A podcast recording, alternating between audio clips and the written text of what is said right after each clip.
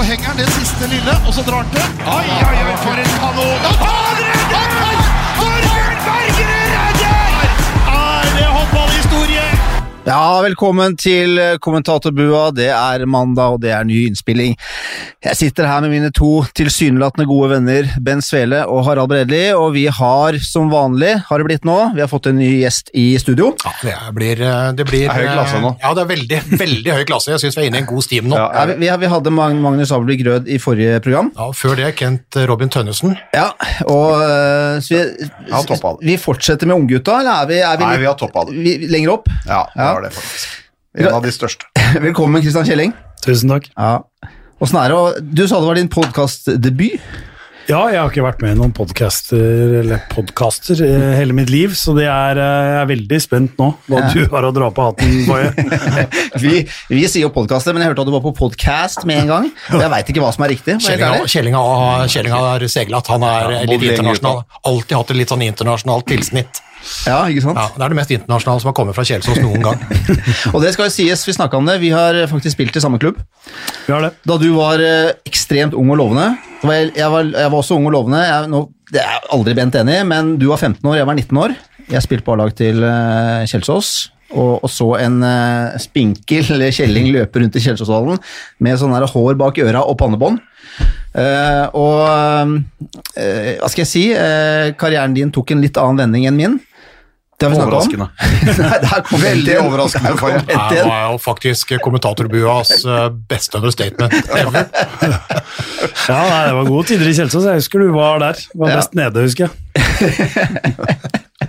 Men bra, det er hyggelig å ha deg her. Veldig kult at du, å være du er med.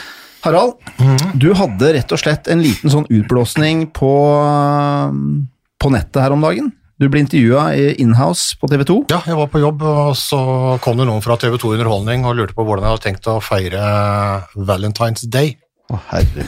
Da benytta jeg muligheten til å bare flekke til. Ja, for da var du sint. Uh, jeg hater- ærlig. Jeg, jeg, jeg, jeg, altså, jeg skal ikke bry å, altså, Ordet hate er men jeg misliker den dagen sterkt. Jeg er like misfornøyd med Valentine's Day som halloween. Jeg syns det er noe fordømmer av det drit. Det er noe jævla søppel. Det skulle aldri har vært der. Aldri, aldri, aldri har vært der. Her er halloween, hvor det løper rundt en hel haug med sånne småtroll uh, som får sukkersjokk, ikke sant? importert fra Amerika, noe vi hadde klart oss uten. Chrysler, Ford, Buke og alt det der kan vi klare oss med.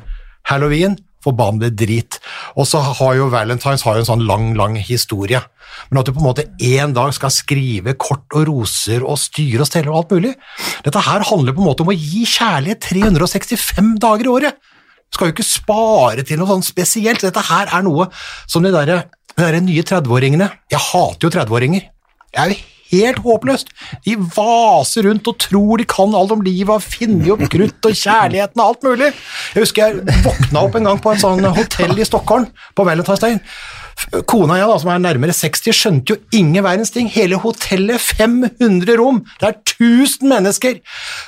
Fløyt av verpesjuke 30-åringer. Det var helt jævlig. Kjærligheten rant nedover veggene. Du kunne skrape kjærligheten av veggene. Fryktelig.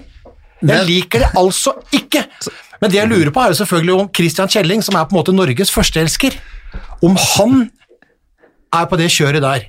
Altså, nå kommer du til å bli veldig glad, for jeg skrev et langt kort dagen etter valentinsdagen, og eh, kjøpte masse blomster, og så skrev jeg at det irriterer meg så sinnssykt at noen skal fortelle meg når jeg skal si til deg at jeg elsker deg. Eh, det skal jeg gjøre hver dag hele året, og jeg syns det er noe kommersielt piss, akkurat som du syns. Kjelling, my man!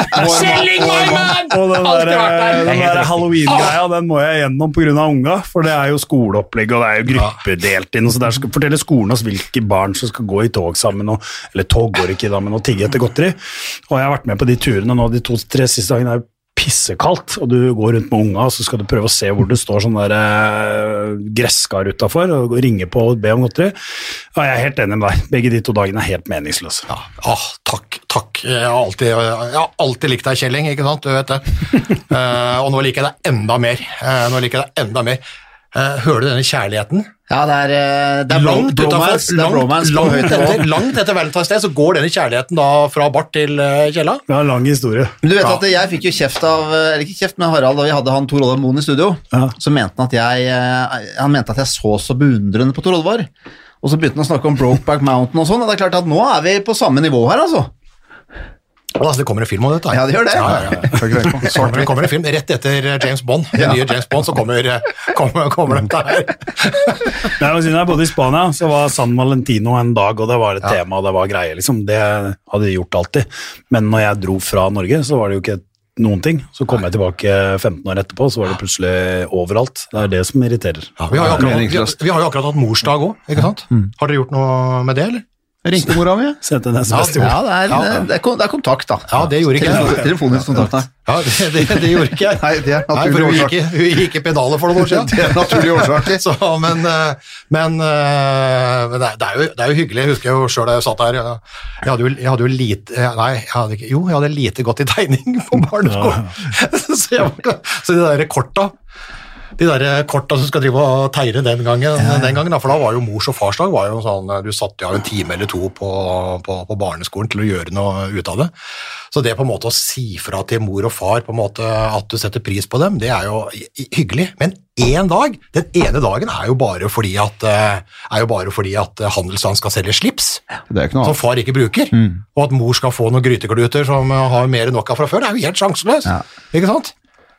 Jeg var, jeg var litt sånn kjønns... Uh, ja, jeg var litt sånn kjønns Det blir lang podkast hvis vi skal innom alle dagene. Nei, vi, vi, vi kan jo bare si at vi har en, vi har en kul sending. Ja, ja, 17. mai er greit, julaften er greit, Uh, da åker jeg og tar vinterferie en uke her, men ellers drit og dra! Annen påske da også, syns jeg er deilig. Vi skal ikke gjennom alt. Jeg tror Kjelling hadde et poeng. Vi skal ikke gjennom absolutt alt. Også, men vi skal videre, og bare veldig kort, vi skal etter hvert, Harald, vi skal høre et uh, Du har tatt en prat med Nora Mørk. Ja, Det skal vi høre om, og vi skal selvfølgelig snakke om hva som har vært i hjemlig serie, litt i Champions League, og vi skal selvfølgelig snakke masse med og om Kjelling.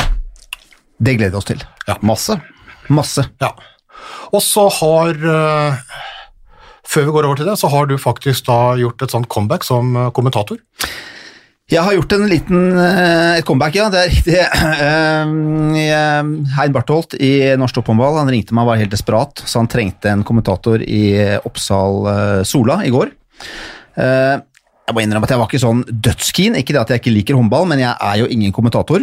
Og jeg visste jo da at dette var dagen før jeg skulle i studio med de tre beste kommentatorene i Norge. Så det er klart at timingen for min del kunne ikke vært verre, men jeg sa ja. Og eh, da jeg nevnte dette for Harald og Bent, så var det, altså det var en sånn rungende latter som jeg ikke kan beskrive. Eh, og mer vet jeg ikke. Jeg vet bare at jeg kommenterte, og at det var blytungt.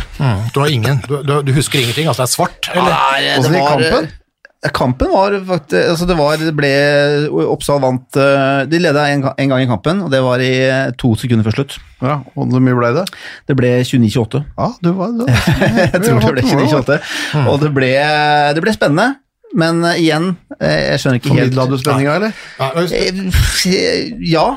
Jeg vet ikke. Jeg husker ikke. Nei, Husker men, eh, Får jeg bare slappe av her nå? Ja. Fordi nå har vi på en måte både interne og eksterne sensorer, så nå er det opp til eksamen. Vi har ikke lett etter ting for å ta deg, for det Nei. kunne vi ha gjort. Ja, ja, ja. Eh, Vi har bare gjort et, eh, et valg på slutten, for dette her var det de i Sverige kaller en, kaller en rysare. Fordi helt på tampen så har altså Sola på bortebane i Oppsal Arena, de leder vel 27-23. Eh, Oppsal tar en eh, timeout. Da er det Uh, Det er faktisk 27-23 så er det timeout, 27-23 og så er det så er det timeout. Så er det, så er, så er det timeout. Sola har uh, mista forspranget sitt, men har fortsatt ett måls ledelse etter at Oppsal har tatt eh, timeout. Og dette dramaet blir da formidlet på denne måten av Faye. Så følg med, sensorer, og dere kan prate underveis. Ja, der har vi utligningen! Ett minutt før slutt. 28-28. Selvfølgelig Sturle Dotter. Dotter. Stiller jeg litt spørsmålstegn til eh, Vanovic, som uh, bør jo hive seg i det hjørnet, for det er der de aller, aller fleste ballene av uh, Sturle Dotter har kommet. Fikk retta opp det islandske navnet litt. Rann, der. Ja, kjente jo ikke henne fra før. Nei, bruker keeperkompetansen sin Ja. til å rakke ned på Oppsals målvakt. Bra. Lar bildet leve her. Ikke? Merker dere, gutter? Det er et drama. Lar bildet leve Det fikk jeg her. høre. Ja, voldsomt, voldsomt lever òg. Det lever veldig. Ja, rutinerte der, eh, Sola. Kommer det inn en takling, griper inn igjen. Vente lengst mulig før de avslutter. Men armen er oppe. Det er 29 sekunder igjen, og det er som betyr at de må De må skyte veldig snart. Ja, nettopp. Takk for det. 28-28. Bildet lever. Bildet lever. Og det gjør at uh, Oppsal får siste angrepet. Sola hiver bort ballen på 28-28. sinnssykt hvordan de siste fem minuttene har vært. Ja, Den er bra. Sinnssykt ungdomsuttrykk. Må vekk. Det er som Valentine's Day. Bildet lever. Voldsomt. det er drama, altså. Jeg henta opp fire mål. Det er drama. Der, der sitter han for Oppsal, og det er ikke til å tro! Forbannelsen til Sola fortsetter, og dette er helt Jeg, jeg tror ikke jeg har sett noe lignende. Det var ikke det, nei. Aldri. Fire mål, fire minutter. Sett mye VM og sånn, Det har men da. Opphenting av, eh, av Oppsal. Ja. har er eh, altså aldri sett noe lignende. Eh, altså Et lag som da henter opp en firemålsledelse og roter det bort og taper i sluttsekundene. Så det er jo et bra, bra drama. Aldri sett noe Ja, lignende. jeg ønsket jo, ønsket jo å skape, skape drama, og aldri sett noe lignende. Jeg kan jo, kan jo innrømme at jeg har, se, jeg har sett noe lignende. Jeg har sett noe som, jeg har sett noe som er enda mer dramatisk. Men, men før vi går til sensorene, altså, veldig veldig sånn kort, altså, hva, hva syns du sjøl? Hvordan syns Jeg- du dette gikk? Jeg syns det gikk eh, sånn til å være Til å, å på en måte ikke ha kommentert noe på Jeg har ikke gjort så mye heller, men på fire-fem år. Uh, to lag som jeg på en måte ikke kjenner til. Uh, så jeg tenker at det gikk sånn helt sånn middels. Ja. Altså Det var ikke dritdårlig, men jeg tenker det var ikke dødsbra heller. Nei, nei. Da spør vi faktisk da din studieveileder, Bent Svele. Angrer, angrer vel egentlig litt på at eh, vi var så tydelige på det når vi snakka sammen i helga, og at det var viktig å la bildene leve. Men det var vel, det var vel på en måte Det var vel i grenselandet hvor mye de levde, egentlig! Hadde jeg sittet her ved siden av, så hadde jeg sagt at jeg dunka borti. Faen, er du død, eller? Har gått bort, Ja, altså jeg, er det for noe? eh, ikke sant, det er lett for dere som har en, eh, som har en sidekick, men her var jeg helt alene. Og jeg, jeg, måtte, jeg må innrømme at jeg tenkte jeg må pra, jeg, Hva skal jeg prate om? Ja. Så er det lettere å la bildene leve enn Da- det koker på slutten. Ikke sant? Og det sa jo gutta. La bildet Det leve. er verre midten av andre gangen det ene laget leder med tolv. og så var Da sovner jo de der hjemme òg. Ja. Vi har jo kobla inn eh, den eksterne sensoren her. eh, en Denne eksamensoppgaven i kommentering. eh, Det er jo et litt spesielt fag. Hva sier Christian Kjelling om dette her? Nei, jeg syns ikke det var så gærent, eh, for jeg syns du klarer det ganske fint. Eh, Men, eh, men det er klart, hadde jeg sittet og sett hele kampen, så kan jeg sikkert uh, ta det på noen ting. Men uh, det her, de gutta er jo fasiten. Jeg er jo, jeg er jo nybegynner, jeg er Nei, nei, nei, andredivisjonsspiller. nei, nei, er nei, nei, nei. her snakker vi Champions League. Nei, nei, nei, det er mange som mener at jeg, vi rører- er jeg rører rundt med Vi de vi er utdaterte, det er du som er den nye Hører jo, hører jo, han har jo alle tingene der. Det, er, det ordet kan man ikke bruke sånn, sånn. Det tenkte ikke jeg over. Men, men jeg brukte, jeg må si, jeg dro opp en ganske sånn god sånn kommentatorfloskel ganske tidlig. Sinnssykt. Ja, jeg, jeg tenker den. Ja, der er det kluss i vekslingene. Gjorde det, ja. Og den er ikke gæren. Kluss i vekslingene, den har jeg hørt av både På stafett, da, eller? Nei, på Ja, altså, pasninger. På skøyteløp, eller? Jeg tror, jeg, jeg tror Kluss i vekslinger, Ja, ja, den, den, er både, den er både Høglund og Peder og, og ja, tatt. ja, ja, ja, ja. Men du, altså, du trenger ikke Men kluss i vekslingene kan jeg bare si, det er ikke noe sånn normalt håndballuttrykk. da. Nei, da. Nei, men det er en kommentatorfloskel. Nei, men du bruker en sånn okay. sportsmetafor. Riktig. det handler litt om når det går, når det ikke når Der du, ser du forskjellen på Eliteserien og ja, når det, når det, Det ikke ikke, når når det ikke går da. Men det er, det, det er ikke alt du trenger å adoptere. Nei, det er det ikke, men eh, den, den huska jeg, så den vil jeg gjerne ha. Men, eh, men, men karakteren, altså her opererer vi ikke med tallkarakterer. Her går vi på gamle. Det er bestått og ikke bestått, eh, Bent. Nei, men med tanke på det minuttet Bestått der, la bildet bestått? leve. Ja. Det- Han har bestått. Uh, Kjella. Ja, det er bestått. Det er bestått. Faye, Takk. gratulerer eh, med dagen. Men uh, når Hein Barthold ringer neste gang, vær smart, da. Si nei. Nei, jeg prøvde det, men jeg skyldte hele Såpass godt betalt at du bare tenkte ja, den tar jeg. Faye, dra oss videre. Ja, bra, bra. Du, eh, jeg vet ikke helt, Harald, du har vært, i, eh, du har vært og snakket med Nora Mørk, men jeg vet ikke om du ønsker å ta den biten Jo, jo, vi kan godt gjøre det, og så kan vi eh, gå litt uh, på det andre. Fordi uh, Nora Mørk var i helga på besøk i Oslo, dro fra Bucuresti. Det er nå sånn ukevis, altså seks måneder, så hun tok korsbåndet og menisken for andre gang. Var oppe og tok MR. eh, Litt sånn fysiske tester på Olympiatoppen og fikk tommel opp. Altså dette, dette, dette går bra. Uh, Så jeg hadde en lang prat med henne. Det er interessant, for det er jo et håndballhode uten like. Og når vi sitter her da med Christian Kjelling, som sjøl har vært en stjerne, som sjøl har slitt eh, med skader, og som har alle vurderingene, fordi nå kommer det jo en OL-kvall og et OL, som jo er det store store målet. Så jeg tenker vi kunne høre litt på, på, på noen minutter med råuttak av, av Nora Mørk, og så Ja. kan vi eh, høre på det. Håkon, bare dra det i gang. drømmescenario, da. Når ser du for deg øh, februar nå? Mm. Når ser du for deg, eventuelt hvis det går an å si noe om det, øh, håndballtrening igjen? Ja. Håndballkamp. Sånn helt perfekt hadde vært å være i håndballtrening sånn litt og litt om en måneds tid, en drøy måned. Og så kanskje spille sånn i jeg vet ikke, kanskje slutten av april eller litt sånn etter påske. Du tror at det er mulig å få med seg slutten av sesongen? Ja, alt er mulig. Altså, sånn, jeg har jo troa på det. Sånn, eh, men jeg har liksom lært at eh, uansett hvor flink man er og hvor hardt man trener, så er det liksom ikke alt som kan styres av det. Det hadde bare vært det. Bare du trener hardt nok, så får du lov til å gjøre det, eller du får lov til å komme med på det laget. Så hadde det vært lett, for da hadde jeg jo trent i ti timer hver dag, liksom. Så skulle jeg også komme tilbake. Men sånn er det ikke. Det er jo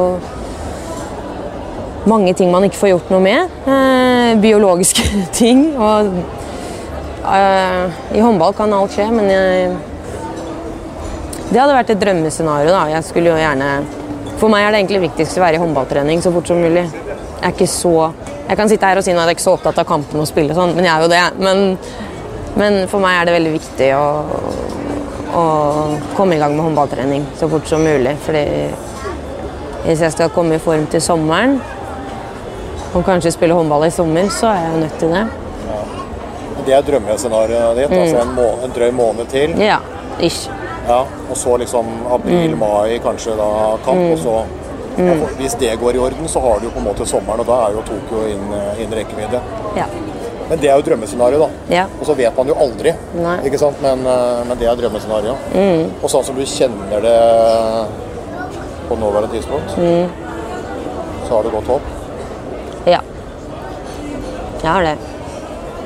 Så hadde jeg ikke sittet og gjort intervju intervjuet her. Nei, da- Men jeg har jeg, jeg, i hvert fall, jeg håper veldig. Og jeg er veldig motivert, og jeg tenker at jeg skal heller bare gå all in og prøve.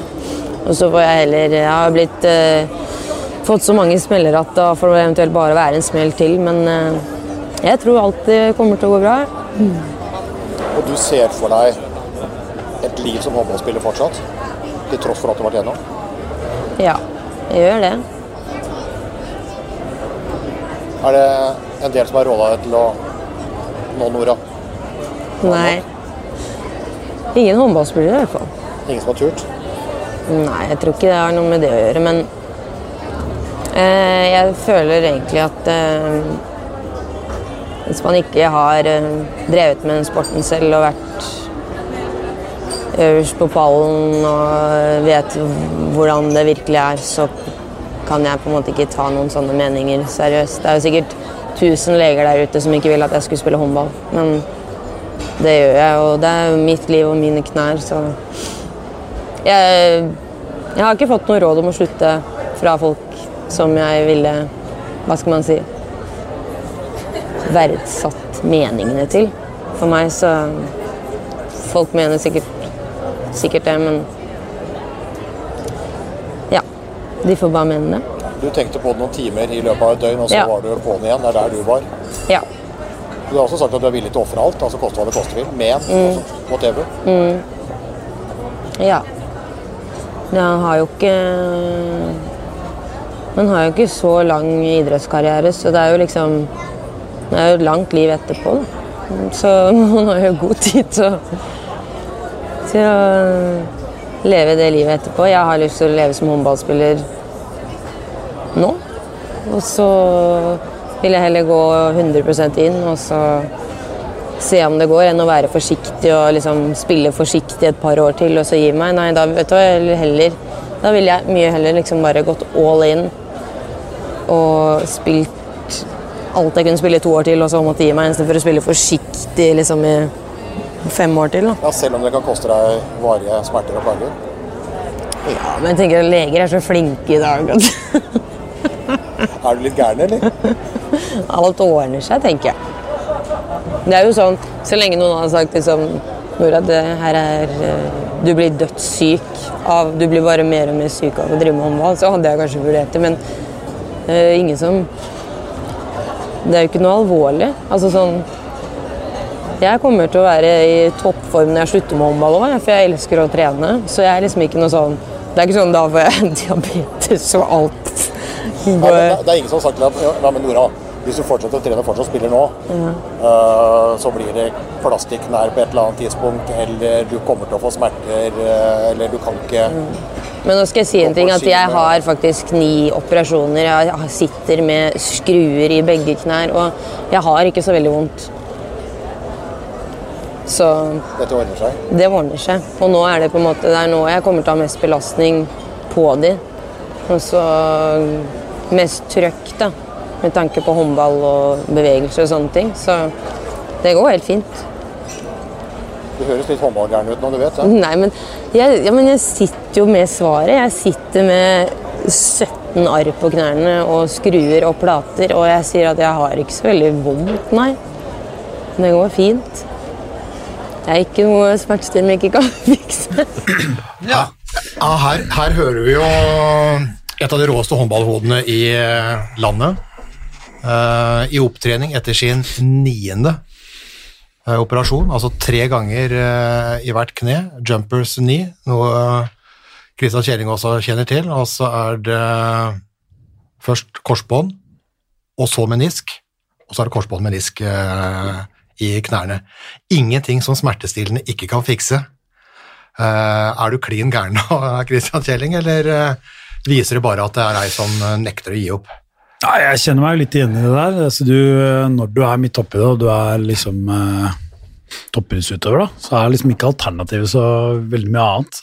Ikke fordi alternativene ikke er der, men fordi at man, man føler seg så knytta til eh, det livet der. Eh, så er man jo ung og optimistisk. altså Jeg også var det mange år og tenkte ikke så mye over det. Eh, men jeg skjønte på slutten av karrieren at skade kom til å bli min eh, Det er skader som stopper meg. For jeg hadde en, eh, en tung periode midt i når jeg var i Pamplona der de siste årene i Spania, men ellers så syns jeg håndball var fantastisk gøy. På slutten i Danmark syns jeg var helt herlig å spille, men det var bare sinnssykt vondt. Og det var jo Jumpers knee, og, og det er jo ikke egentlig en karriere som nødvendigvis bør være karriere, en skade, unnskyld, som ikke behøver å være karrierestoppende, men eh, så røk jo patella sin tvert av i en kamp, og da var det jo en del ting som skjedde inni det kneet der. Kjenner du det nå, eller?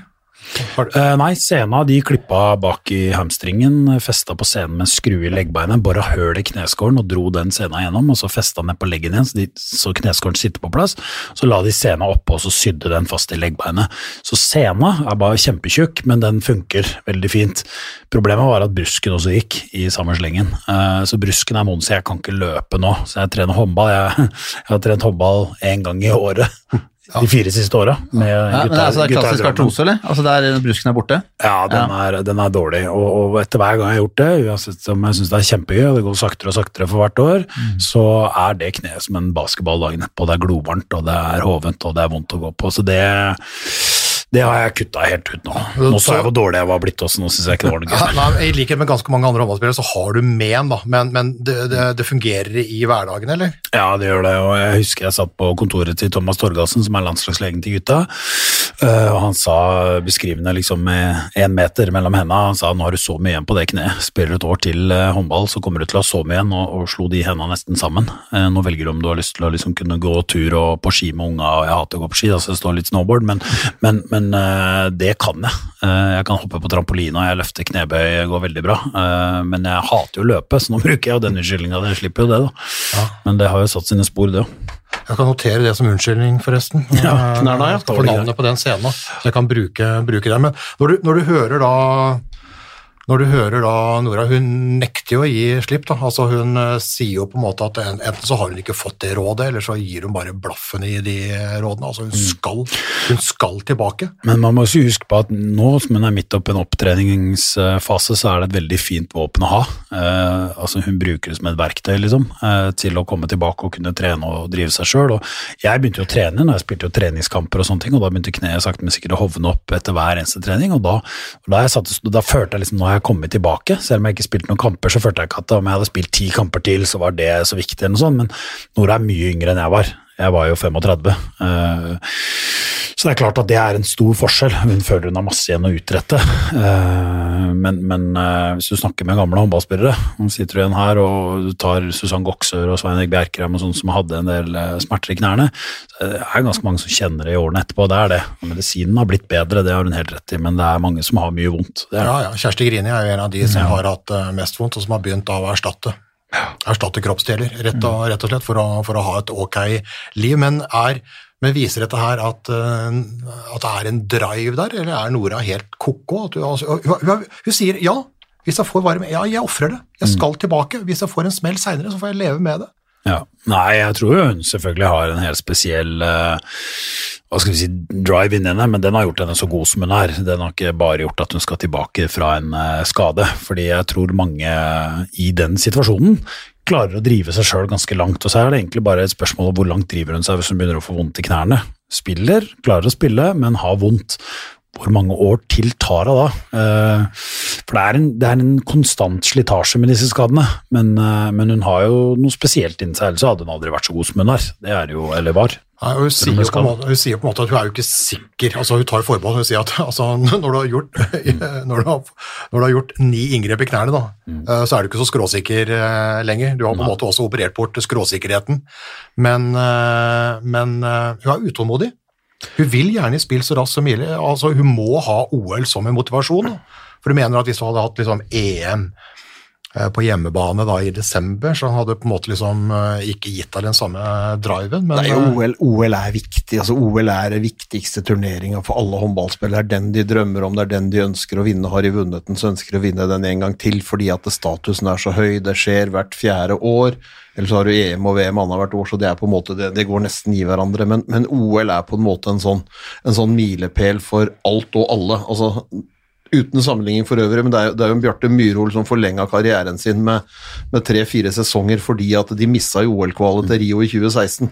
Nå har de da en store til å kunne kvale inn til OL i, OL i Tokyo nå gjennom OL-kvaliken på hjemmebane her. Så, så OL er på en måte en sånn, en sånn greie. Veldig ofte så ser du etter en OL-turnering flere eldre spillere som gir seg. altså De tar det som den siste motivasjonen inn mot landslaget for å få med seg den. Og, og Nora, altså vi husker jo det var ingen som var mer skuffa enn henne i Rio etter at de tapte sannsynligvis den flotteste, beste damehåndballkamp jeg noen gang har sett, semifinalen mot Russland, som inneholdt alt bortsett fra norsk seier. Ja, ja, OL, OL er stort, men sånn som Nora Mørk. Ja. Altså, ser vi henne i Tokyo, Eh, og bør vi se henne i Tokyo? det er jo på en måte Hun vil jo gjerne til Tokyo, og, og så er jo da medisinen til syvende og sist, og opptreningen hennes og hennes vilje. Det er jo hennes vilje og hennes ønske som på en måte kan føre henne til Tokyo. Eh, det, det, det er ikke gitt at alle andre spillere hadde klart det. Nei, jeg er helt enig med deg der, og så, tror jeg bare man skal huske på at mesterskap er veldig stor belastning på kroppen. Så jeg syns det er litt sånn farlig at man eh, etter så, et så langt skadeavbrekk, så skal du liksom inn, spille en måned, og så skal du i mesterskap. Da tenker jeg at det nesten hadde vært bedre å komme tilbake til hverdagen, sakte, men sikkert, og brukt mer tid. Når du først kommer i mesterskap, der er jo disse situasjonene vi snakka om i stad, veldig ofte oppstår, med smertestillende, du biter tenna sammen, altså vi så Sander Sagosen spille med brudd i hånda, utallige eksempler på det, har gjort det sjøl, hvor det er tre-fire kamper igjen av mesterskapet, du er i bobla, du, adrenalinet pumper nesten daglig, ikke sant? og du, du bare sier ok, nå biter jeg denne sammen, så holder jeg ut. Masse spillere som har kommet hjem fra mesterskapsskada. Mm, Fakta, da. Det er eh, to år siden nå i februar, siden hun tok eh, korsbåndet i, eh, i det ene kneet. Og menisk. Så i korsbånd og menisk i det andre. 24 måneder. I løpet av de 24 månedene så har hun altså spilt håndball i fire og vært i opptrening i 20. Og det er fortsatt da to-tre måneder igjen. Så spørsmålet da er om utålmodigheten din da, etter å nå da det store målet, fire år til neste gang OL, at du rett og slett framskynder, og så får du en ny smell. Det er jo det jeg, er- det er, det jeg er redd for. At du blir, altså OL er så stort, som du sier, Bent, og du blir så gira på det, eh, fordi hun var skada i London da de tok eh, OL-gull, så hun fikk ikke det, og Nora vil vinne alt. Eh, I Rio så var det ekstraomganger, og den utafor stolpen, så der blir det bronse. Eh, og så kommer denne sjansen, og at du er så gira da, at du på en måte går til for tidlig.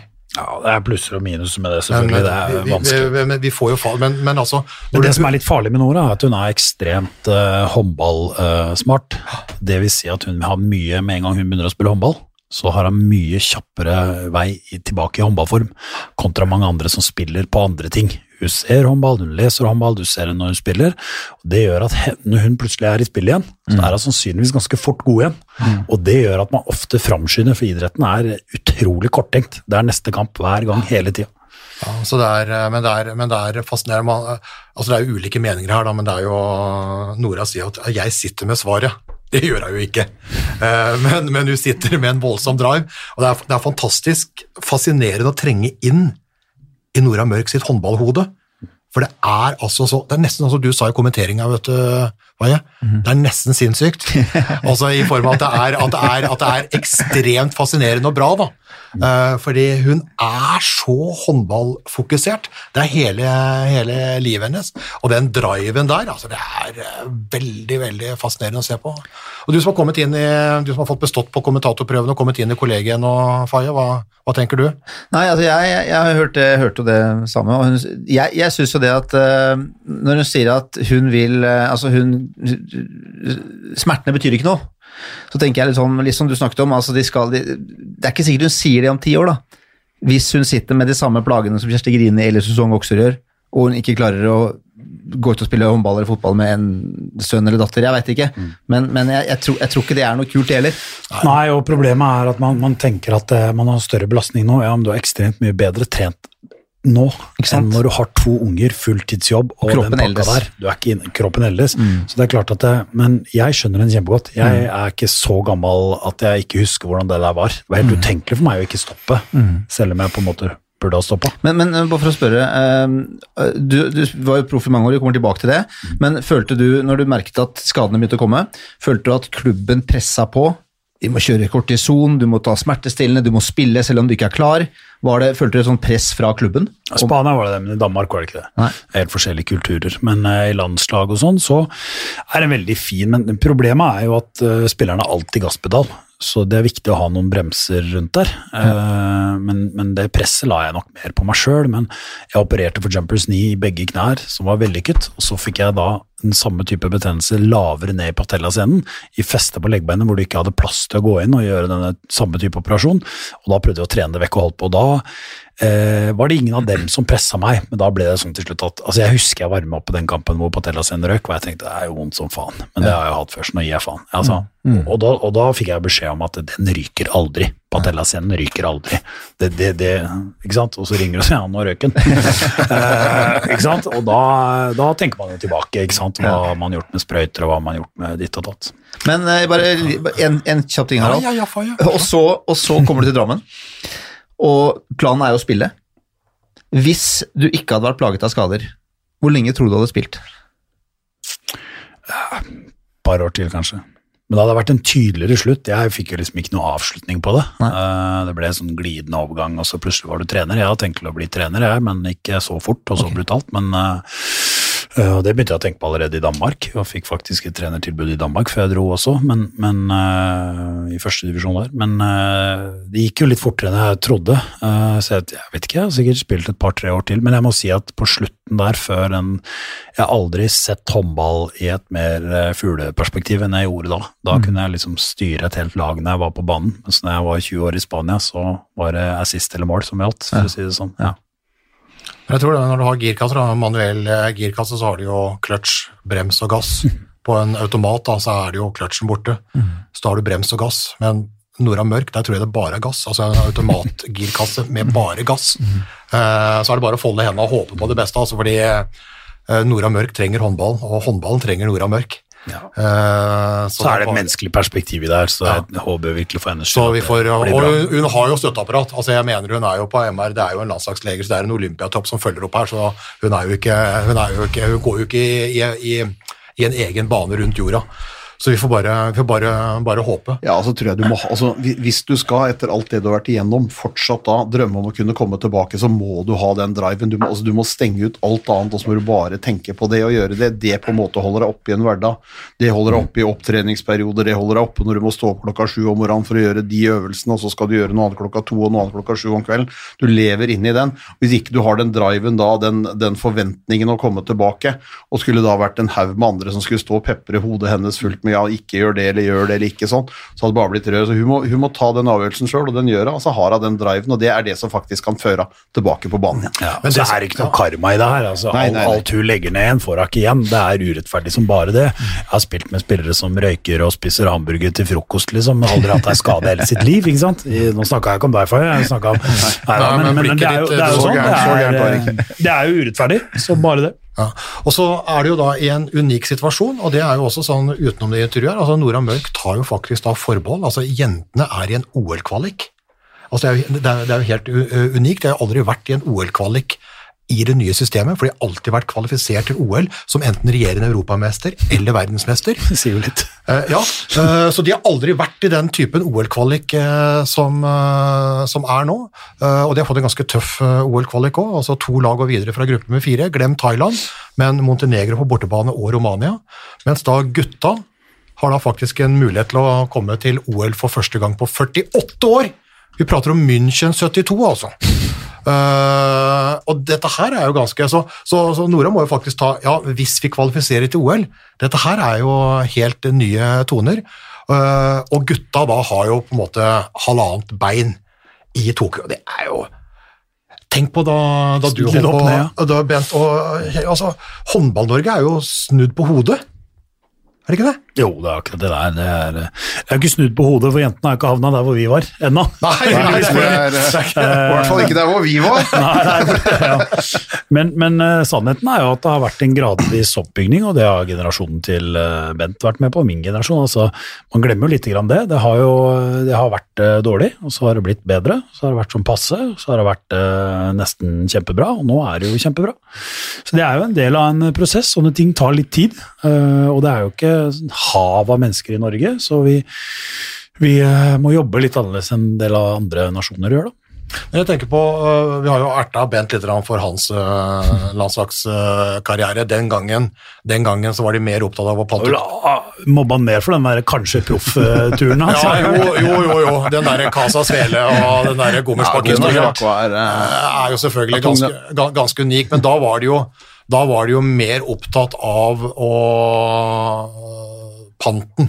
At de var mer opptatt av å Altså, det, tomflasker. det, det er jo selvfølgelig å sette ting, sette ting på spissen, men, altså, men det er klart at det, det var også en gjeng som gjorde det beste de kunne ut fra de forutsetningene som var. Fordi at alle vi som spilte på landslag den gangen, sto opp klokka kvart over sju hver morgen, var på jobb klokka åtte, var ferdig klokka fire. Og så måtte du da trene en eller annen gang når hallen var ledig mellom, mellom seks og ni. Vi var to kvelder i uka, trente vi fra åtte til ti. Ikke sant? Så, så, så det var ingenting som var lagt til rette for noe sånn særlig. Det var få eller ingen som var ute av Norge. Jeg var, Jan Wangen var vel året før meg, og så var jeg ute, og så kom det noen slengere sånn etter hvert. Nå er det på en måte, så, så, fort du har, fort du har på en måte tatt imot ballen og fått en bronsemedalje i, i Rema 1000-ligaen nå, så kan du reise ut. Ikke sant? Så, så, så forholdet er lagt til rette, og så kom jo Christian Tveten og den gjengen der hvor de beste var ute, mens de andre fortsatt var hjemme, men det var fortsatt en, en, da en mer profesjonalisering på det, og så nå er alle ute. Ja, Det var en veldig bra forsvars... øh, Ja, ja, men det- men det- men det er jo sånn det var. Ja, Men dette her. Han har jo helt rett, Ja, ja. Og, og sannheten er jo at i dag så blir det jo signert på potensialet. Ja. Mens i gamle dager så måtte du levere over tid før du ble signert. Men, men, men, øh, men du som har fulgt øh, hele veien, altså som, som på en måte øh, kan, kan huske Bents tid, som selv var i din Ja, ja, men som selv var Bare prøv å være snill med. Bare Det var lite på TV på den tida. Ja, jo, jo, jo. Men, men, men som også da var, var i din tid, hvor vi, hvor vi har hatt noen fantastiske øyeblikk opp gjennom åra, men hvor du da fikk stempelet nestenlandslaget, ikke sant? Det var nesten semifinale, det var nesten det store gjennombruddet. Og til nå at du er i verdenstoppen. Hva skjedde? Nei, først og fremst så har vi jo vesentlig flere gode håndballspillere i Norge. Det er et ekstremt komplett lag med ufattelig mange gode håndballspillere. Eh, Jeg husker Ulrik Wilbrekk ble spurt på eh, min tid hva er forskjellen mellom Norge og Danmark når de drev og tok gull. Og da sa han at vi har 12-14 klassespillere, Norge har 3-4 stykker. Så det, og det er kanskje satt litt på spissen, men, men sannheten er at i dag så er Norge i den posisjonen. Det kryr av klassespillere, og så har vi et kjempebra trenerteam, og jeg tror vi har et fantastisk støtteapparat rundt, mye mer ressurser enn mange lag. Men sannheten er at i Norge i dag finnes det utrolig mange dyktige håndballspillere. Jeg har selv barn som spiller håndball. Det er veldig mange flere flinke håndballspillere allerede i tiårsalderen og oppover. Så det er, eh, i ferd med å bli en stor håndballnasjon, Norge. det er det. Og dette kom jo selvfølgelig da av rekrutteringen som kom den gangen hvor du var stjerne, da. Jo, takk for det. For hvor du Det var har jo- på en måte som poster på alle mulige jenterom og gutterom og alt mulig, at Christian Kjelling litt foran, og var den store Ja, for det var jo liksom- førsteelskeren og håndballstjerna, og Ja, for- dette vil jeg også gjøre med livet mitt. Og så har vi fått det vi har. Er det ikke så enkelt, da? Jo, men det, det er jo, altså, det er jo altså, vi, vi kan godt trekke inn trappa til Turer. At, det går, sånn oppover. Men det er klart at det betyr jo Men, men altså, det er et veldig godt poeng det Christian har. Og så Før så måtte du prestere i Norge og på landslaget før noen i det hele tatt kikka på det. Nå blir du signert på potensialet som du kanskje kan få ut. Ikke sant? Og det er, det, er- det, Nå er, det er ganske stor som snakker med 14-15-åringer, så verden har forandra seg, og det er jo en del av hele samfunnet. Men, men, men det er sånn eh, Før var det nåløyet litt smalere, nå er det mange. Og så har jo ved at landslaget presterer så godt, så får norske spillere et veldig godt stempel.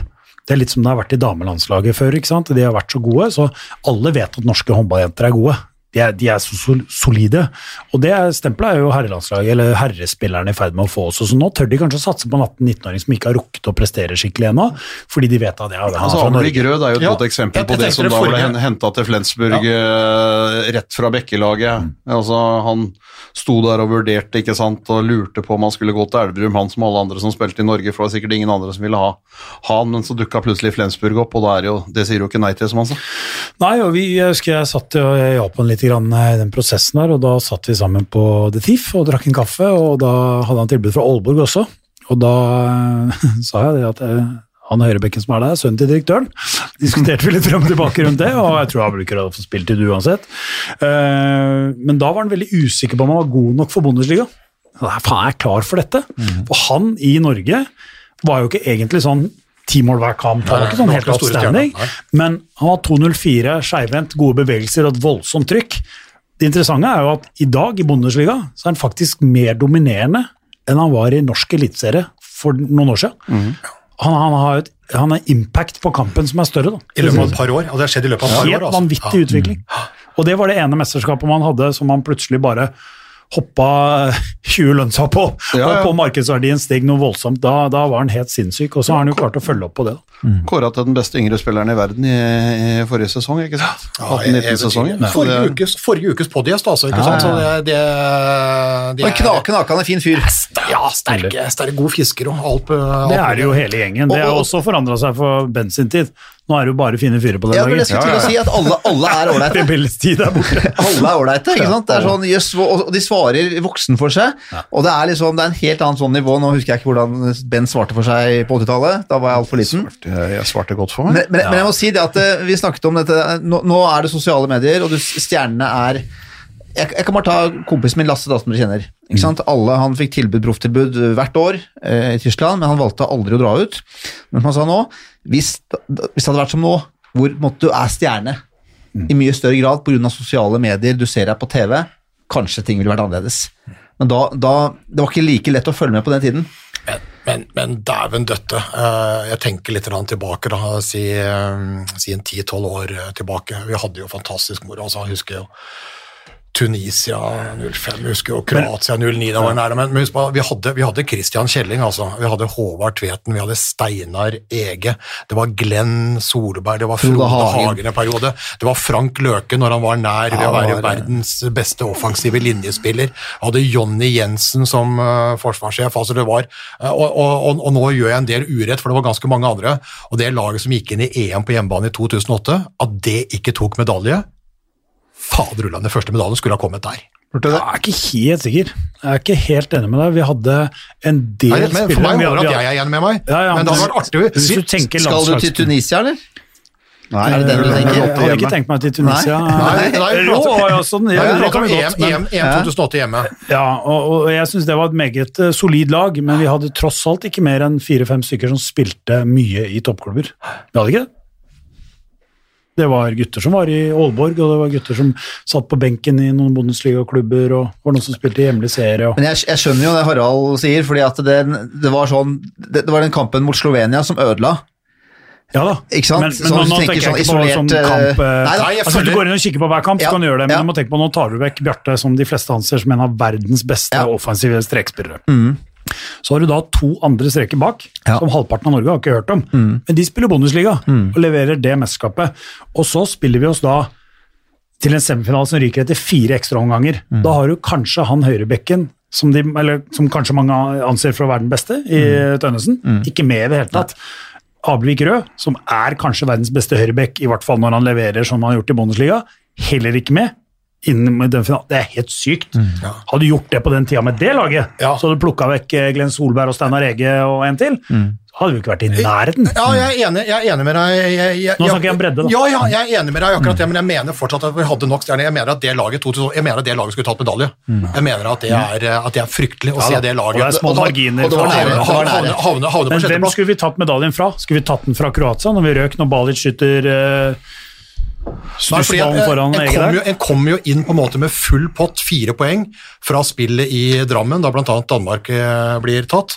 Og så får han da ett tap og to uavgjorte i, eh, i Stavanger. Ja, men jeg skjønner, men, men, Ja. men mesterskapene lever sin egen liv. Så kan Ja. gå for kamp for kamp og mesterskap for mesterskap. Men hvis du ser på de lagene vi konkurrerte med, og så ser du på de spillere vi hadde, så Ja, hadde ja. vi mange gode spillere. Men de lagene vi konkurrerte med mm Relativt greit oppmøte der òg. Jo, det er stort, men hvis du da eh, ikke ser på det laget Norge hadde nå, da, som tok eh, bronse, og som på en måte var da bare en centimeter unna å komme til en eh, finale igjen. Hvis du skrur klokka tilbake til VM i Frankrike i 17, så var det fortsatt en del som holdt på i Danmark. Altså, det var noen, altså I løpet av fra 17 da, til, eh, til 2000, i løpet av de tre åra, så har jo veldig mange flere kommet ut, og de er i mye større klubber.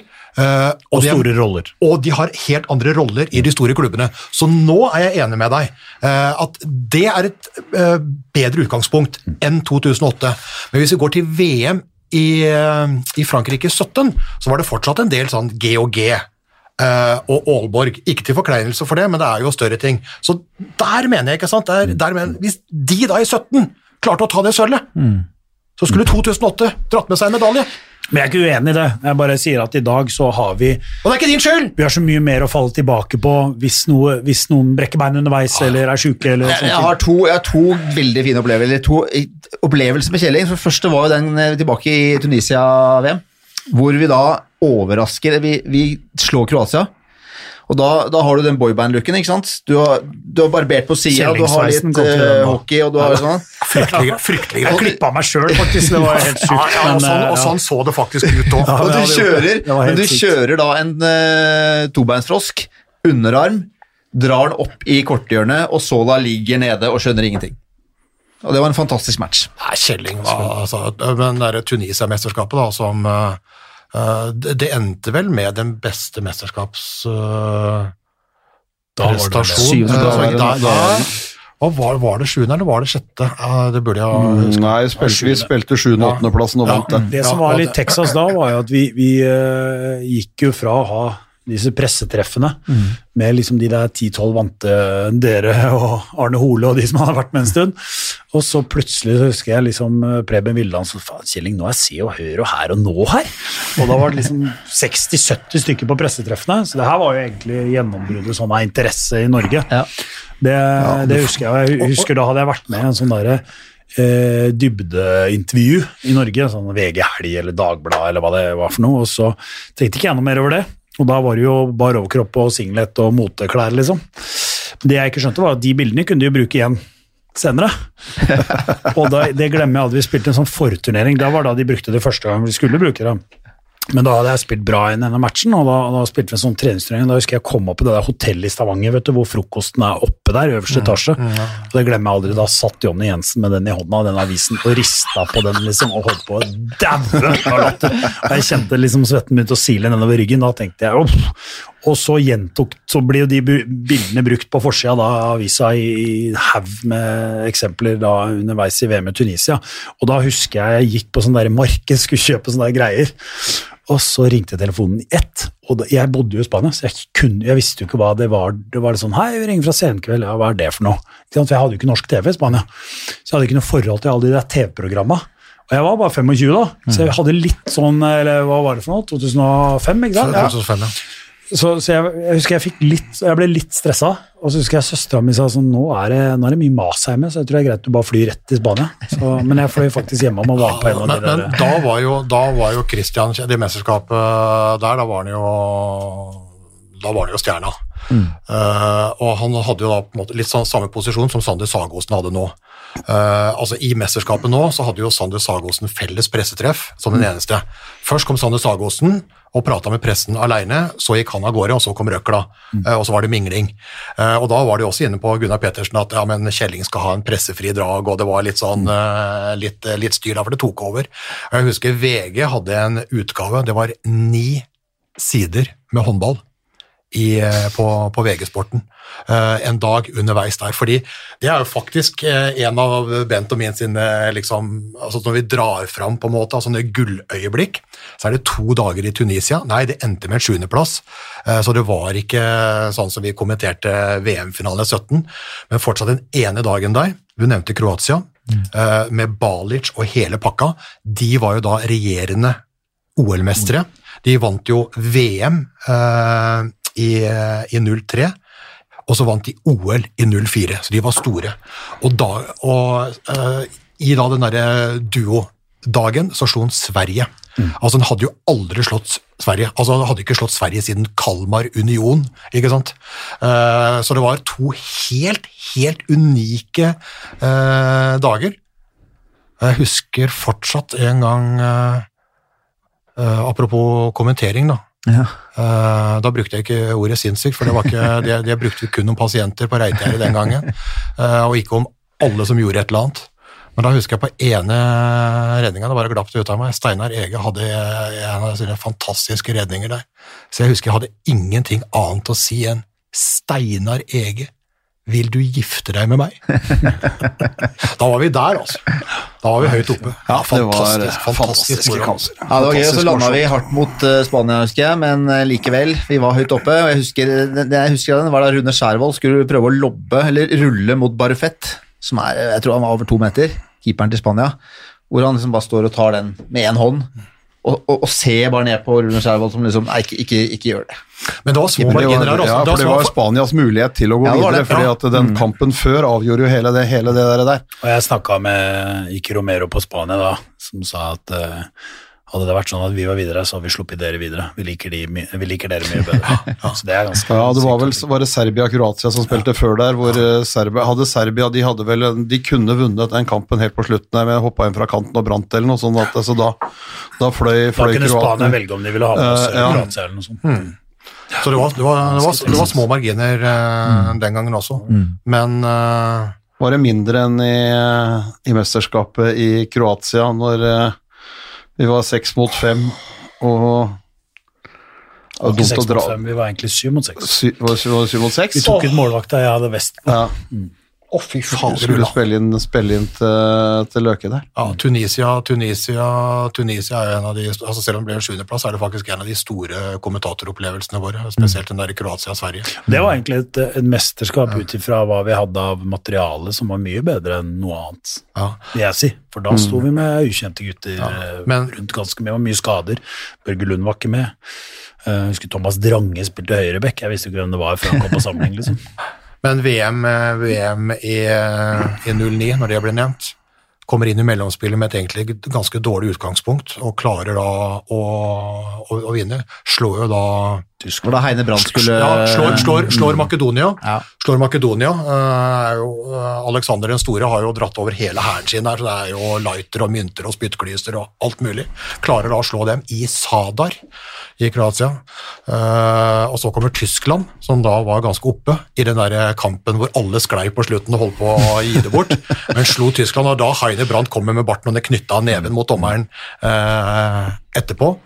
Og så har hun da faktisk en semifinalesjanse mot, uh, mot uh, Polen. Uavgjort. Tar Timeout på slutten, og Kjelling skal styre det opp. Det er, det er det sykeste noen gang. Også ved uavgjort er Tyskland videre. Og Med norsk tyskerne seier, så er Norge videre. Vi Over- spille om over femte-sjette, tror jeg. Polsk seier, så er Polen videre. Og norsk Og så, ja, og så scorer, så scorer polakkene Altså tyskerne sitter og jubler der når den ballen blir kasta bort, og så tar han tak i den, han forsvarsspilleren. Er det Arthur Arthur Sodmjak? Ja, var det han? Eller husker jeg, jeg? Nei, jeg husker, jeg husker Ja, ikke. Jeg han, han, husker. han, han har aldri vært over midtstreken i hele sin karriere. Han plukker opp ballen. Eh, Da, da, da, da Kjelling ikke skyter og skal prøve å finne Frank Løke og bommer, så kommer han forsvarsspilleren og plukker opp den, og så måler opp, så går han i en sånn bue. Og i det, i det ballen i det Kjelling bommer på det innspillet, så er jo Norge vekk. Men med uavgjort er Tyskland videre, så så vi har tyske laget foran oss på kommentatorplass. Så i det Kjelling bommer, så er tyskerne på vei opp. De reiser seg fra stolene, er på vei opp og jubler. Så tar han forsvarskjempen, som aldri har skutt øh, ballen på egen nimeter, og kaster den i det tomme målet. Og, For da hadde vi tatt ut keeperen, selvfølgelig. Ja. Norge er ute.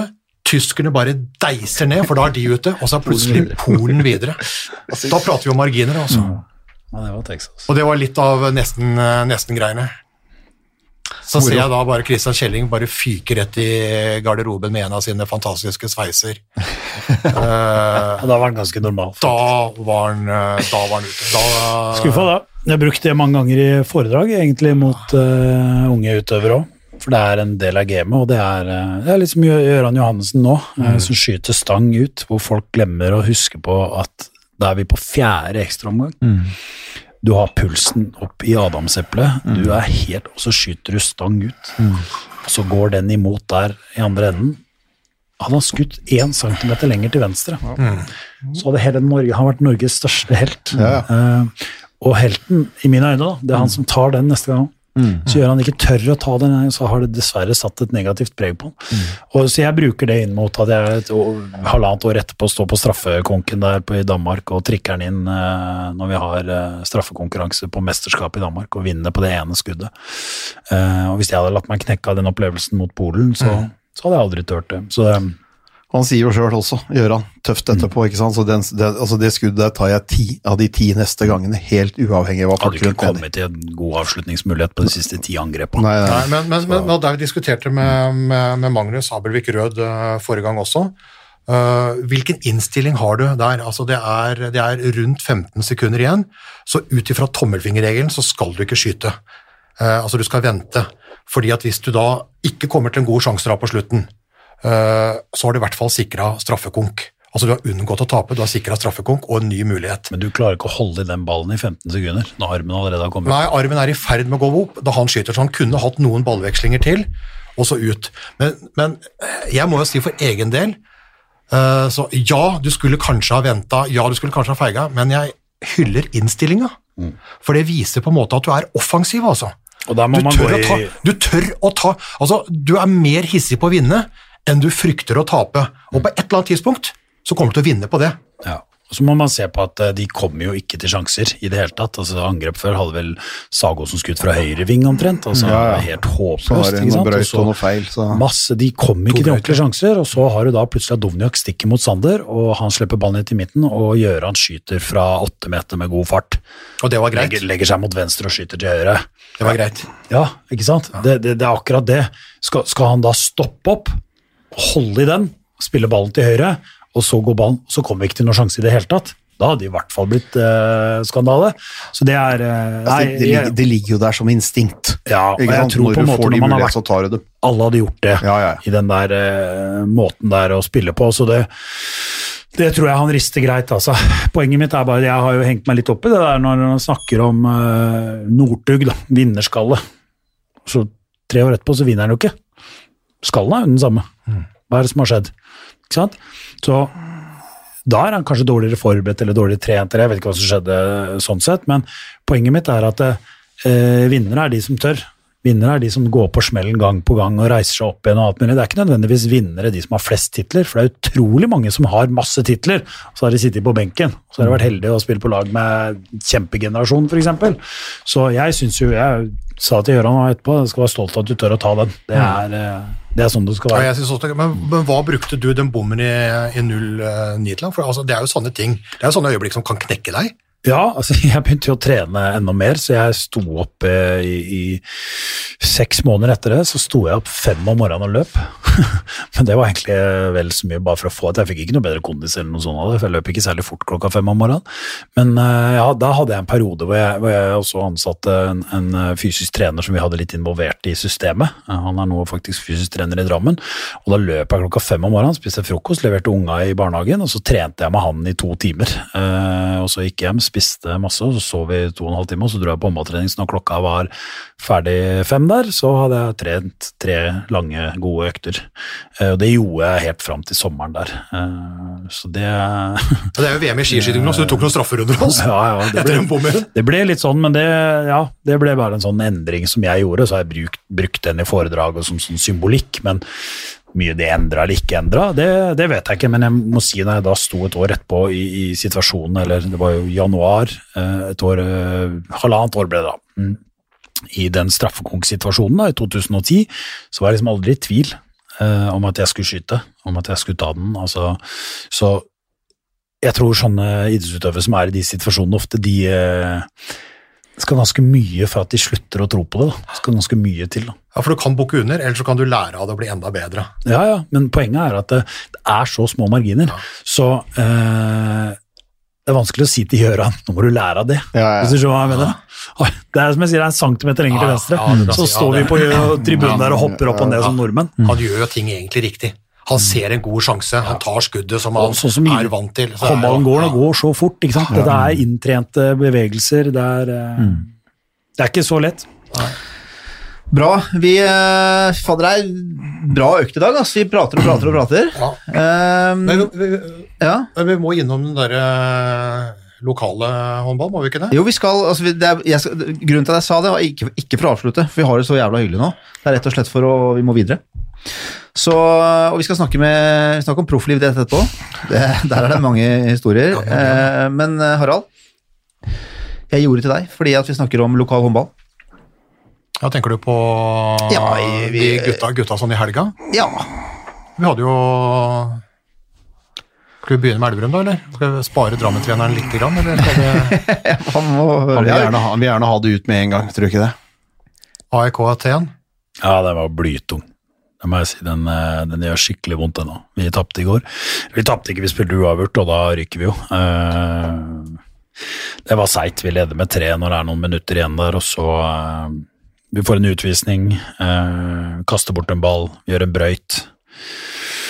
Og så er vi plutselig bare ett foran, og så skårer de og får uavgjort. Den, eh, den stakk hardt. Vi gjorde en flott kamp nede i Aten. I går hadde vi Boilesen ute med sykdom, som, har vært, eh, som er god mot disse forsvarene som er offensive, og, og kanskje aller beste duellspilleren vår. Adrian Aalberg, som er eh, åtte eller ni mål ned i Aten, har banens beste der.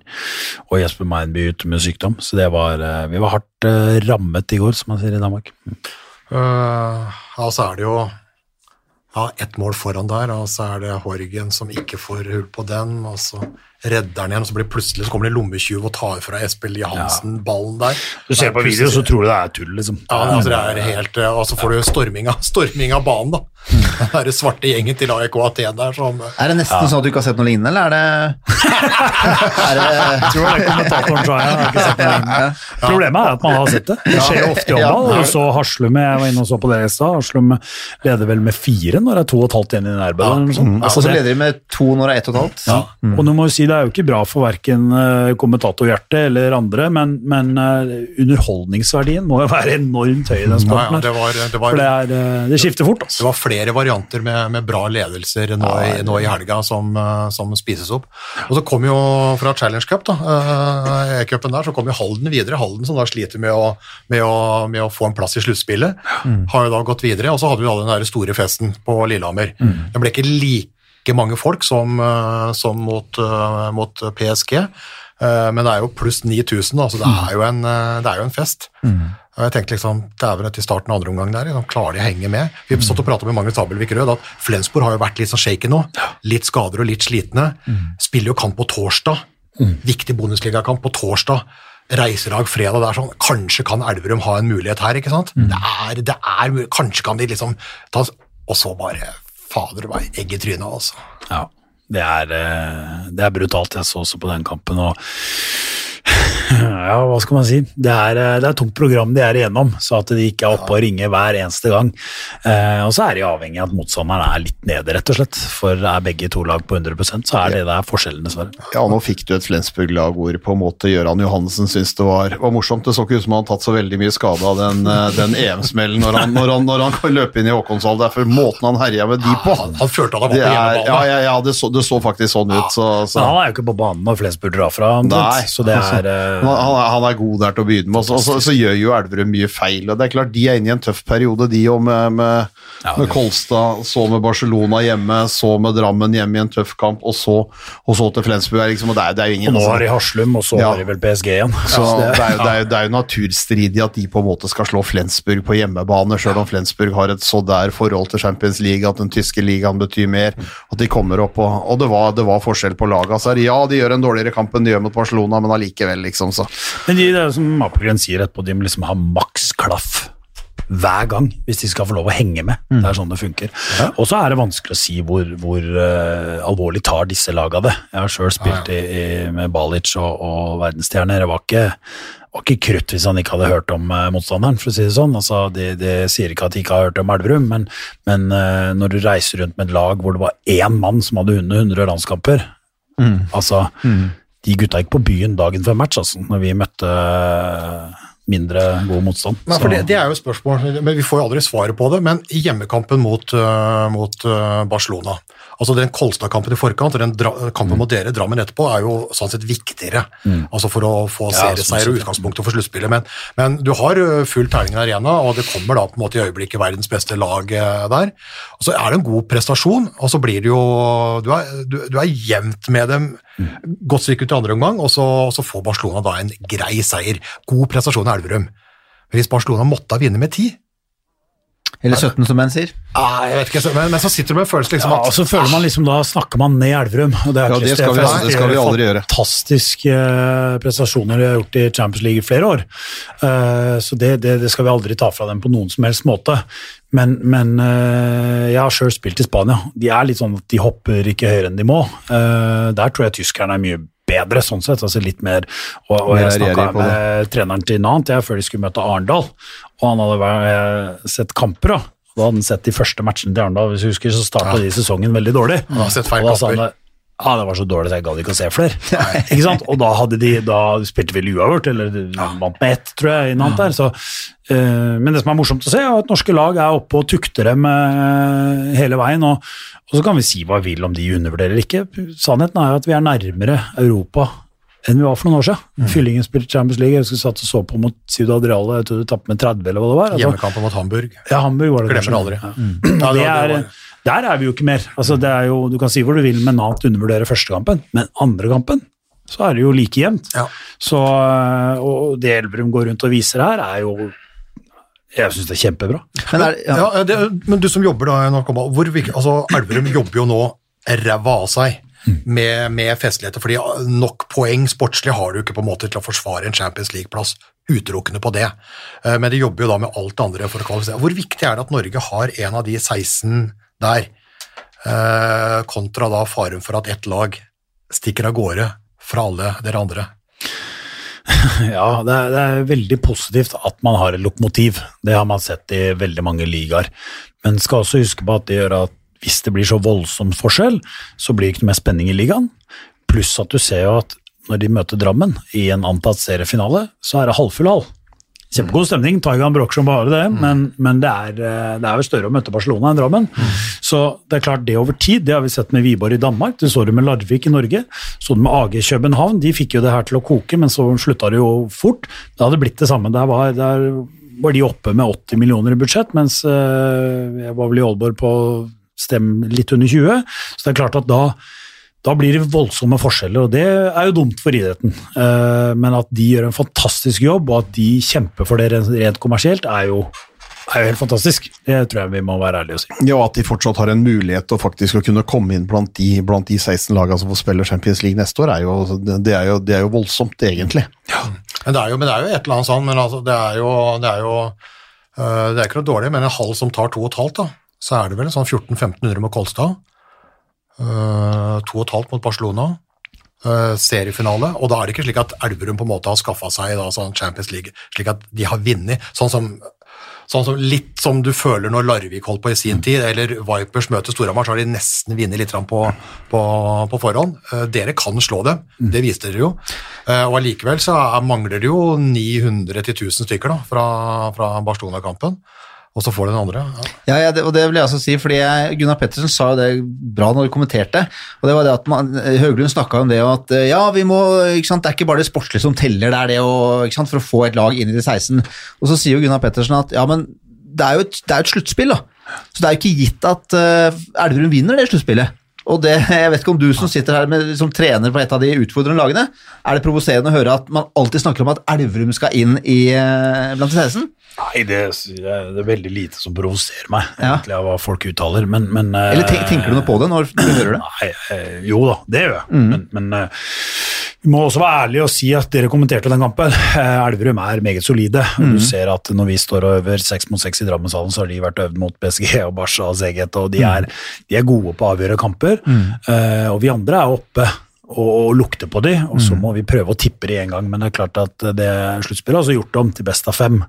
Det gagner de store troppene, det gagner de som er, uh, har, har stor fordel av det. Men, men jeg syns de er uh, kjempeflinke til å avgjøre matcher. Eh, og hadde vi fått lov å spille sånne matcher som vi hadde mot Elverum, én til to ganger i uka over lengre tid Jeg har spilt sånne lag som har den muligheten. Du får en utrolig fin kamprytme, og du får den der følelsen av når det er på tide å skru til, når det er på tide å gasse på, når det er på tide å roe ned. Og den, den må trenes på som alt annet. Men avstand, det er litt sånn som håndball kommer jo etter fotball med noen års eh, etterslep, både i måten du skal organisere Champions League på, de andre europacupene og alt mulig, Eh, og litt sånn som det var med Rosenborg i sin tid, som alltid var i Champions League, som plutselig sliter med å komme inn i Champions League. Eh, avstand på millionene i PSG mm. og de store klubbene og Norge, den øker. Men når du har vært såpass lenge ute, driver med norsk håndball nå, ser du på en måte, selv om avstanden er stor, at norsk håndball er, på riktig kurs, og at det skjer noe? Ja. At det kan være muligheter der? Ja, jeg syns det. og Jeg snakker veldig mye med trenere i utlandet, eh, og mange av de berømmer jo hvordan Elverum klarer seg i Champions League. eh, Og norsk håndball nærmer seg uten tvil. altså eh, Det er jo landslaget også selvfølgelig et bevis på, men mange av de er i utlandet. Men jeg syns også når man ser at Halden karer seg videre der, vi spiller jevnt mot Aten, det er et lag som er fylt med proffer fra utlandet. Du ser jo at, at, de klarer seg bra mot Nant, Arendal, så, så jeg syns norsk håndball er nærmere. men vi skal være litt forsiktige med å tømme ligaen. Altså, Profflivet er ikke for alle. Vi skal passe på at ikke alle drar ut for tidlig. Eh, det er ikke noe nødvendigvis bedre å spille en båndklubb i Danmark for utviklinga di enn det er å være i Norge, eller dra til Sverige enn å være i Norge. Og huske på at Sander Sagosen, Kent Robin, Tønnesen, eh, Bjarte Myhrvold, Christian Kjelling, alle sammen spilte i Norge. Det er, ikke, det er ikke så forferdelig. Så nå har det blitt litt sånn, nå brenner under ræva på alle som har eh, evne til å kaste ball fra 16-årsalderen. Og det må vi passe litt på hvis vi skal sørge for at produktet hjemme er bra, da. Ja, fordi Uh, jeg husker øh, det har vært litt sånn mantra til, uh, til han som var leder i Larvik i, i periode, Bjørn Gunnar Brun Hansen, som var daglig leder i ØF Arendal. Han har sagt at ja, men vi klarer ikke å hindre folk hvis de får et tilbud fra Bundesliga-klubb eller Barcelona eller PSG, så klarer vi ikke å hindre det. Men vi må stoppe flukten til Sverige og Danmark. Altså Det bør være like attraktivt å spille i Norge som i Sverige og Danmark. Eh, Men det har du ikke helt klart. Hvis du da ser litt på lagene nå, så er det veldig mange i den norske Rema 1000-ligaen som neste sesong kommer til å spille i Sverige eller i Danmark. Helt riktig. Og vi kan jo ikke ta fra dem passet, men uh... Nei, vi må gjøre det mer attraktivt å være i Norge. Både økonomisk og sportslig. Det er klart. hva skal til der? Nei, altså først og fremst så er det jo, hvis du ser på Kolstad, Arendal, Elverum spesielt, da, hvordan de driver det rent eh, kommersielt. For det som jeg sier i, i Danmark òg, når Kolding drev med det her, gikk med masse i minus, hadde mange millioner i minus, og så sa jeg på dansk TV 2 at de du må klappe for, er Skjern, Aalborg og BSV, som ikke leverer minus i regnskapet. For det er det som trenere og spillere Vi kommer og går, vi. Men du er nødt til å sørge for en, en positiv klubbdrift over tid. Ikke sant? Det kan ikke bare være stang inn og stang ut som avgjør om det er penger i kassa. Og dette har de jo klart i mange av de danske klubbene. Og Derfor er nivået sakte, men sikkert heva seg. Så fikk de drahjelp når landslaget gjorde det bra, for halve landslaget spilte fortsatt i Danmark. Men økonomien i Danmark har jo gjort at det er mulig. Så det, det er stygt å si, men idrett avhenger veldig mye av økonomi. Du må tenke på at en, en middelmådig dansk eliteseriespiller han løper rundt med 350 000 i eh, året, og så bor han, så tar han studiene sine som egentlig tar fire år, de deler han opp på ti, og så bor han i en eller annen leilighet som han betaler 7000 i måneden for leie, og så har han en håndballkarriere. De gjør ikke det i Norge. Enten så blir du proff eller skikkelig god, eller så stopper du som regel. Og det er eh, vi, må klare å få til gode løsninger på den måten der. Det er attraktivt å drive med håndball. Ja, for Kolstads to øh, EM-spillere, da. William Aar går til Danmark. Tom Kåre Nikolaisen går til øh, Bergischer, går til Bundesliga. da. Jeg ser sånn som alle de Elverum skifter jo fem-seks spillere hvert år. Litt til Bundesliga. Men en- Elverum er en litt annen posisjon, Ja. for det er tross alt folk de har henta på samme måte. Ja. Eh, Hvis du tar Sigbaldi og Sandel og, og Henneberg i hvert fall, da, så er jo dette folk de har henta utenfra som nå drar, da. Ja, To av dem går jo da til, øh, til Danmark, ikke sant? havner i Aalborg. De andre er jo litt sånn Kielse, du får en mulighet, altså ett hakk opp, du går til Bundesliga, ja. ja men det er en jobb det er en jobb som må gjøres der, altså, for å Men man må huske på at klubbdrift og kommersiell drift er det som egentlig er grunnlaget for sport. Problemet er at veldig mange idrettsklubber i dag drives med hjertet, ikke sant? og det er, eh, det er vanskelig over tid. Ja, for da blir du helt avhengig av at det går bra. Ja. Og hvis det da ikke går bra, så blir det panisk på slutten for at det skal gå bra, og så blir det enda verre enn det egentlig kunne vært hvis du hadde kommet gjennom. Så det er, eh, det er en, det er en ond, sirkel, ond sirkel på det hele. Det er det. God samtale, men nå er det snart lunsj. Vi må ha en par Vi må ha et par Dette her er tross alt mannen som har, som har uh, spilt eh, med Ivano Balic blant andre, da filtersigarettene gikk unna like raskt som eh, kontringene.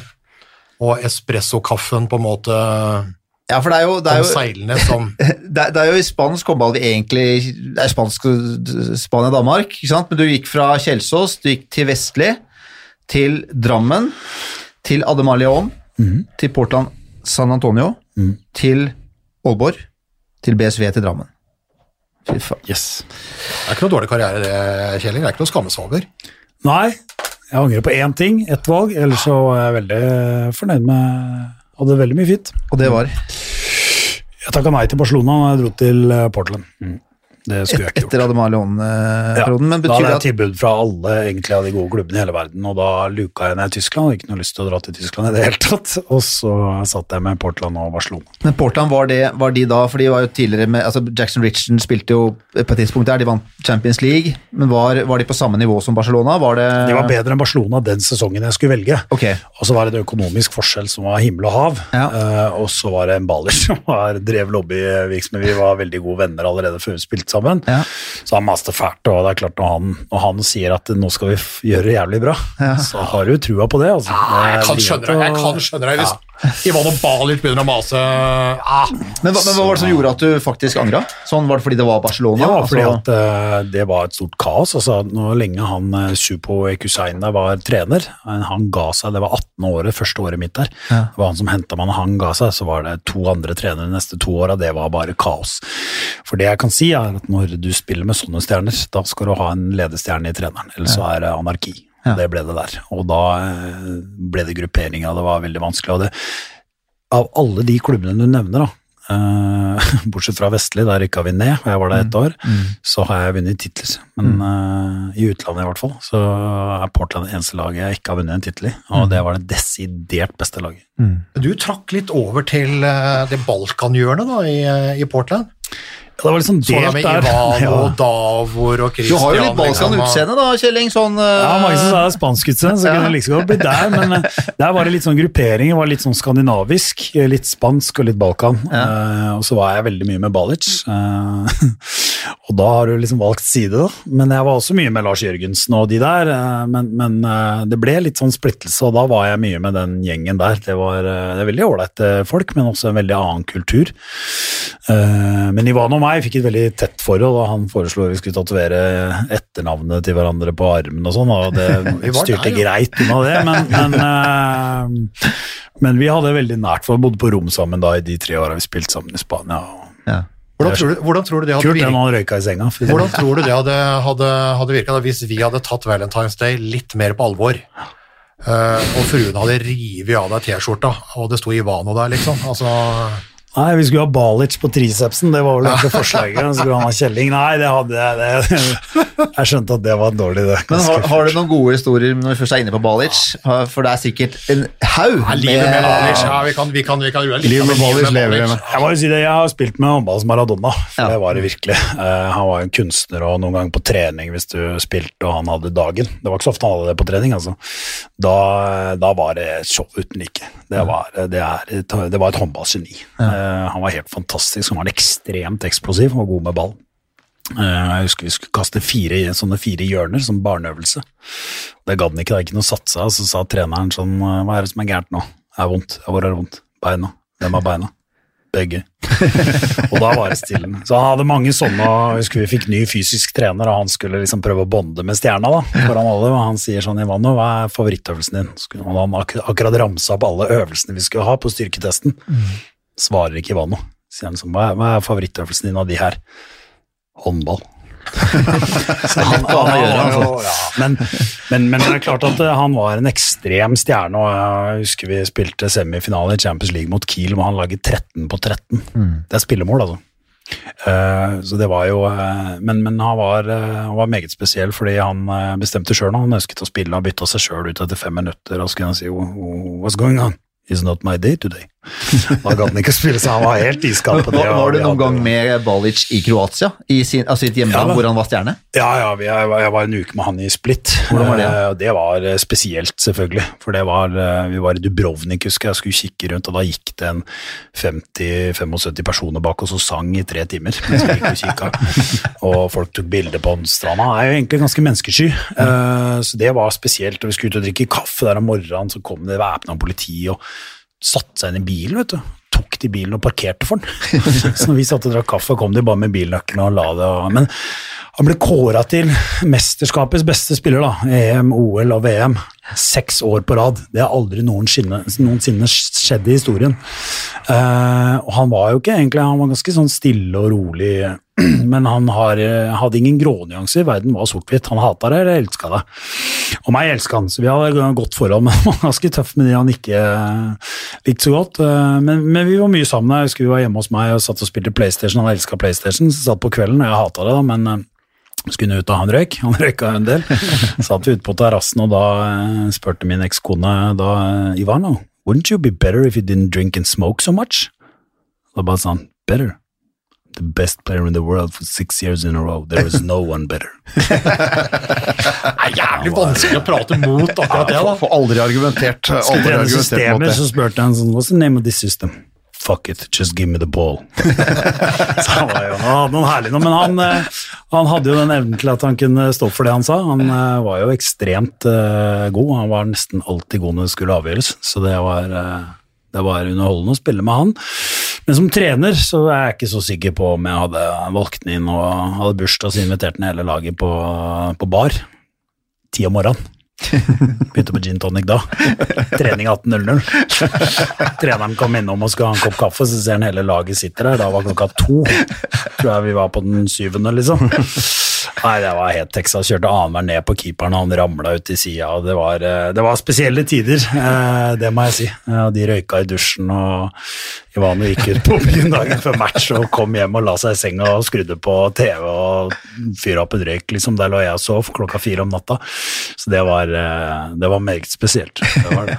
Men har du vært noen bedre noen gang?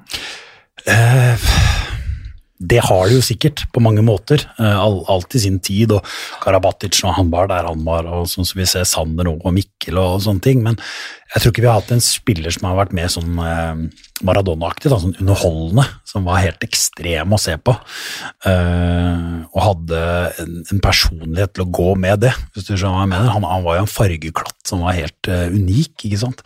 Mm. og det opplevde jeg når jeg var i Kroatia der, for da, da sa de jo det at Tony Kukoc i Chicago Bulls, vi har Premier League-spillere, men han er folkets helt, da. Og han hadde en sånn tilnærming til folk, og, og er veldig glad i kaffe, da. Så vi satt på sånn samme kafé hver dag en uke og drakk kaffe, ikke sant. Og så var det en sånn svær pokal inni en sånn glassmonter. Sier jeg bare, Ivano, hva er det for noe? That is best player in the world 2003. og jeg sier bare, what is he doing here? It's good coffee here, what do you mean? så, så som vi andre hadde satt det på peishylla hjemme, liksom. Den han satt da på en kafé i Split da, mens han sjøl bodde i Pamplona. Så han, eh, han tiltrakk seg jo på en måte veldig sånn folk, da, på den måten han, eh, han ba på. Det er jo vanskelig å sammenligne med tidligere, men, men fotball har jo sine gode diskusjoner. ikke sant? Var, var Pelé eller Maradona best i den tida? Og nå har du jo Ronaldo og, og Messi, ikke sant? mener det her. Og så drar du det da over tidslinjene. Er Messi bedre enn Maradona, eller ikke? ikke sant? Og nå har vi jo da med Sander Sagosen, er han verdens beste, eller, eh, eller, eller er han ikke det, eller er han i ferd med å bli det? Uh, og er det en bedre eh, Det er jo Altså, du får jo aldri svaret på det, men det er jo, det er, jo morsomt å prate om det. ikke sant? Og spørsmålet er på en måte Er Balic det største vi har, vi har hatt, og ser vi noe lignende igjen? Men, sånn- men han hadde jo ikke så lang og god klubbkarriere, og det klart setter litt brems for og Det er som du ser på Andy Schmien og med Sveits, han får jo ikke den anerkjennelsen internasjonalt fordi han ikke har et landslag som gjør det bra. Men det som jeg syns er litt sånn ikke dumt, da, men litt spesielt, det er jo at stjernene begynner å liksom ligne mer på, mer på hverandre. De er veldig sånn, Alle oppfører seg ordentlig, de er liksom like hårsveis omtrent. Altså, du ser Bortsett fra Mikkel, da, han er jo fortsatt en av den siste på akkurat det der. Men det var jo det som var kult med Balic. Han var jo helt annerledes. Han rista jo, fillerista jo treneren sin i en timeout og sa 'hold kjeft, du har alle pokalene du har hjemme på grunn av meg'. Altså, han, han, han Lino, var Lino, spesiell. Lino Skjerv er Lino Kroatia-trener, og, og Balic det var ikke alltid Nei, og vi var ute og spiste middag med han Chervar flere ganger, og alle gutta kødda far og sønn, liksom.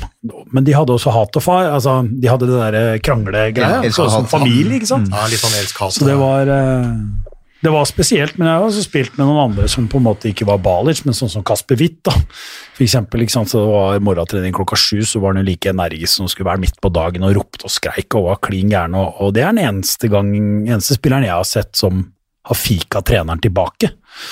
Uh, fordi jeg hadde en trener som fika til et par spillere i timeout, og Kasper smalt jo til tilbake. Så uh, han, uh, han var tøff, men han var jo helt i andre enden, og når jeg spilte med de to sammen, så snakka de jo ikke sammen på et år. Så eh, Det høres ut som om faktisk enkelte ting var mer morsomt før. Men spørsmålet er, er, det- er, det, er, er det rom Er det rom på en måte for en uh, Ivano Balic med sine espressoer og røyk og gin tonic eh, på morgenen før en eh, tre... Altså er det i den derre litt strigla internasjonale håndball? Er det, er, er det mulig å ha en Kasper Witt som eh, slår treneren tilbake? Altså, Jeg, tror, jeg tror vi har plass til det i noen kulturer og nasjoner, men jeg tror nok ikke Norge er en av dine. Jeg tror ikke Kristian Berge i dag hadde tatt med en playmaker som røyka halvtime før oppvarminga begynte. Eh, når de andre løper der, så løper han på tvers der, og liksom altså, det, det tror jeg ikke vi har plass til, faktisk, mer enn den skandinaviske modellen, hvis jeg skal være helt ærlig. Du må, nok til, du må nok til helt andre kulturer enn akkurat den, eh, den, eh, den skandinaviske, hvor på en måte alle er like, alle betyr like mye, og alle er der, og alle er der. At ingen skal stikke seg ut. Så det er, så det er klart, Balic var en fargeklatt, og det er eh, jeg har, ikke, jeg har ikke sett noe mer morsomt, jeg, altså. Så ærlig skal jeg være. På, også på måten han, altså det, det han gjorde, de tinga han gjorde, måten han gjorde det på, måten han, i tillegg måten han var på. Liksom Hele den pakka der med han var, det var noe spesielt. vi, Det var har, vi har jo sett mange fantastiske håndballspillere, men han var en, han var en kunstner, altså. Han var en Akkurat det han er, det er det jeg også sier, at hadde jeg vært trener og skulle signere opp en Karabatic på høyden, eller en Balic, så hadde jeg tatt en Karabatic, Sander Sagosen, men det er fordi at hva han tilfører laget, og hvor mye lettere det er å styre. For Ivano var ikke lett. altså Jeg husker han der treneren i Pamplona, han spurte på spillemøte, skulle møte Zagreb, og så spilte de 3-2-1 sånn som Kroatia gjorde, og så spurte han liksom Ivano hva er liksom, kan ikke du gå gjennom litt hva som er arbeidsoppgaven og hvordan det funker. Nei. Ja, men Ivano kan jo liksom No. Jeg bare satt den der, vet du. Ble helt sånn kleint i rommet, og så gikk jeg til Ivano, og faen kan du ikke si liksom I will never tell you the secrets of 3 to 1. Then you will beat Croatia. Ja, ja, det, er jo, det er jo veldig spesielt. Og dagen etterpå så kommer vi i hallen, og da kommer presidenten i klubben ned og sier vi skal dra på torsdag. Alle bare hva mener du? Jeg skal dra torsdag morgen. «Ja, Hvorfor det? Vi spiller på lørdag. Nei, Ivano, vi har et par dager ekstra i Zagreb. så det er klart at da fløy med, fløy med chartra fly, ikke sant, og så var flyet lite og rista som bare det. Og slutt på det. Ivano syntes det var ubehagelig. Det rista for mye. Så det var, eh, det var mannen som satte sitt preg på alt. En gang han kom inn i rommet, så forandra liksom atmosfæren seg. Og litt sånn Anja Andersen-type. Kanskje. Jeg prøvde å være kødd, men han Ja. eh, de er forskjellige, ja. men, eh, Ja, men på- på eh, hun gjør gjorde nok også det. Altså kun, kunstner i faget, da, men han var jo på en måte sånn han var så langt unna Olympiatoppens eh, modell, liksom, som, som, som, som du kan få, da. Og allikevel så er han en eh, eh, Eller var da en ener i, i faget. Jeg husker fortsatt de bildene hvor du, hvor du ser han i forsvar, hvor han står der på en måte liksom med begge hendene på, på, på knærne. Ute i, ute i enerposisjon og bare står der. Det ser ut som han er altså ti sekunder, så er han død, ikke sant? Og ti sekunder etterpå så har han altså bare måka et innspill bak, under, fram og tilbake, eller bare klint ballen opp. Ja, ja, Ja, jeg husker det når vi spilte den der mellomrunden i eh, Stavanger der, i hjemmebane, og da kom vi med bussen, og da står kroaten og røyker utafor. Da sier jeg til Håvard Tetten sånn, bare hør på Ivano når jeg spør han hvordan går det, så kommer han til å svare I'm dead. For han sier alltid det når han er sånn halvsliten. Kommer ut og bare Hey, how are you? I'm dead.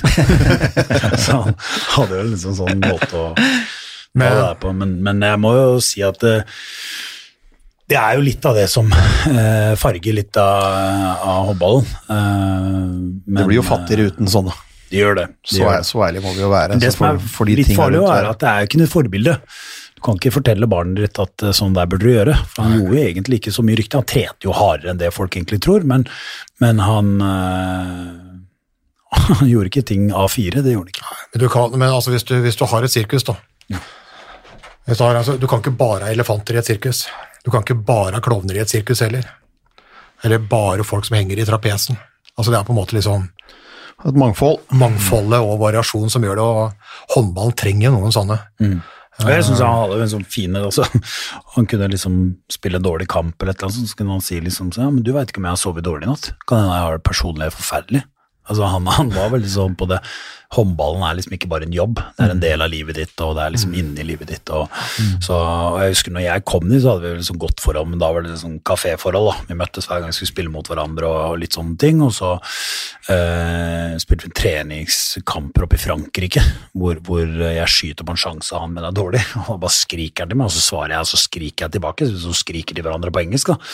Og da snakka han ikke til meg på to uker. Jeg snakka ikke til han, hadde ikke tenkt til å snakke tilbake, så jeg var like barnslig.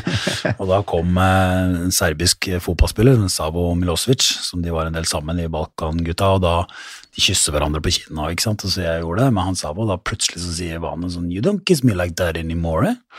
Og så sier jeg liksom eh, Nei, det er opp til deg, det. Og da bare begynner han å klemme meg, så sier han You're like a fucking Balkan guy, you're crazy. så jeg tror han på en måte satte litt pris på det, og så var liksom kompromissløs. da. Jeg gadd ikke å liksom sleike han opp etter ryggen. Så. Herlig, det. Det er kult. Ja, det er bra. Ja, men Veldig bra. Det var eh, det er moro å høre. Det er gøy å høre om, om sånne ting eh, på spillere som er er legender, og som man har kun sett på TV. Men nå har du, nå har du, nå har du hatt jomfruturen ut i podkastland. Gjør du comeback, eller? Litt sånn som Nora Mørk? På podcast, Ja, eh, ja, ja. Du kommer tilbake igjen, eller? Ja, jeg blir vel sikkert eh, Ja, hvis jeg blir invitert igjen, så Ja, gjør jeg nok blir det. Vi har, vi har prata veldig, Veldig Det er helt fantastisk å høre litt om det siste her. Det er veldig veldig morsomt. Altså. Vi må høre mer seinere. Vi Så du har en stående invitasjon. Takk for det. Vi Så jeg kan har- invitere meg sjøl, er det det du sier? Ja, Du kan bare ringe når det passer, eller så kan det hende at vi ringer deg. Du kan ringe og si at det passer for meg på torsdag, så må vi bare innordne oss etter det. ikke sant? lang tid på å finne dagen, Ja, vi har prøvd, vi har prøvd litt, Kristian. Vi skal ha for Du melder, du melder deg på podkast, litt sånn Ivano Balic-stein. Og så kan du legge Tror du- tror ikke du får ham på podcast for å si det sånn. Nei, nei, nei, Prater, men- jeg fikk 3000 euro i bot hver dag under EM i Norge. Og han gadd ikke å møte opp i pressetreffet, så Ja. Ja, men du kan ta den nå er det litt lettere å ha med å gjøre. Men Du det var kan, veldig ringe, hyggelig. Kan Håkon og booke ti. Ja. Du kan, bare, du kan bare ringe, du kan bare ringe så kan du si torsdag 11. Kan du si, ikke sant? Gjerne med balkondialekt. Vi, må, vi har jo en Instagram-konto, Kjelling. Og um, vi spør alltid gjestene våre hvor mange følgere har du på Instagram. Eh, Cirka. Det vet jeg ikke, for nå har jeg ikke lagt ut noe der på veldig, veldig lenge. Ja, men Da er det kanskje som oss, at vi er litt sånn uh, Vi er ikke helt Da jeg fikk uh, helt nok av de greiene. Jeg holdt på å spy av det, så nå har jeg tatt inn en egentlig for å følge med litt på en yngre datter som har kommet inn her, men jeg har eh, ja.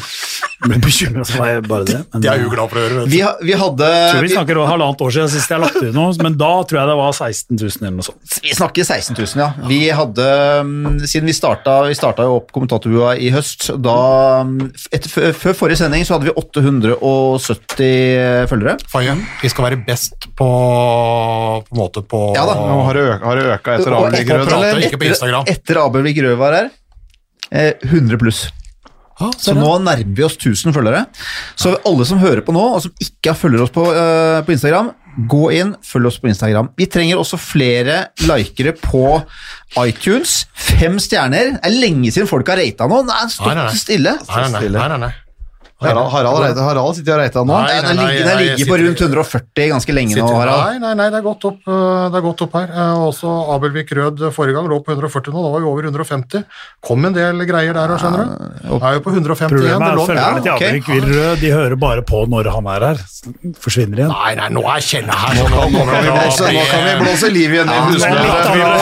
Fra 30 til 50 nå, så vi har et spørsmål. Jeg, spør legger ut et, jeg la ut et innlegg og øh, oppfordrer folk til å stille spørsmål. Og da har vi fått øh, Forrige gang så var det en som het Vigdis fra Hamar, som var inne med spørsmål.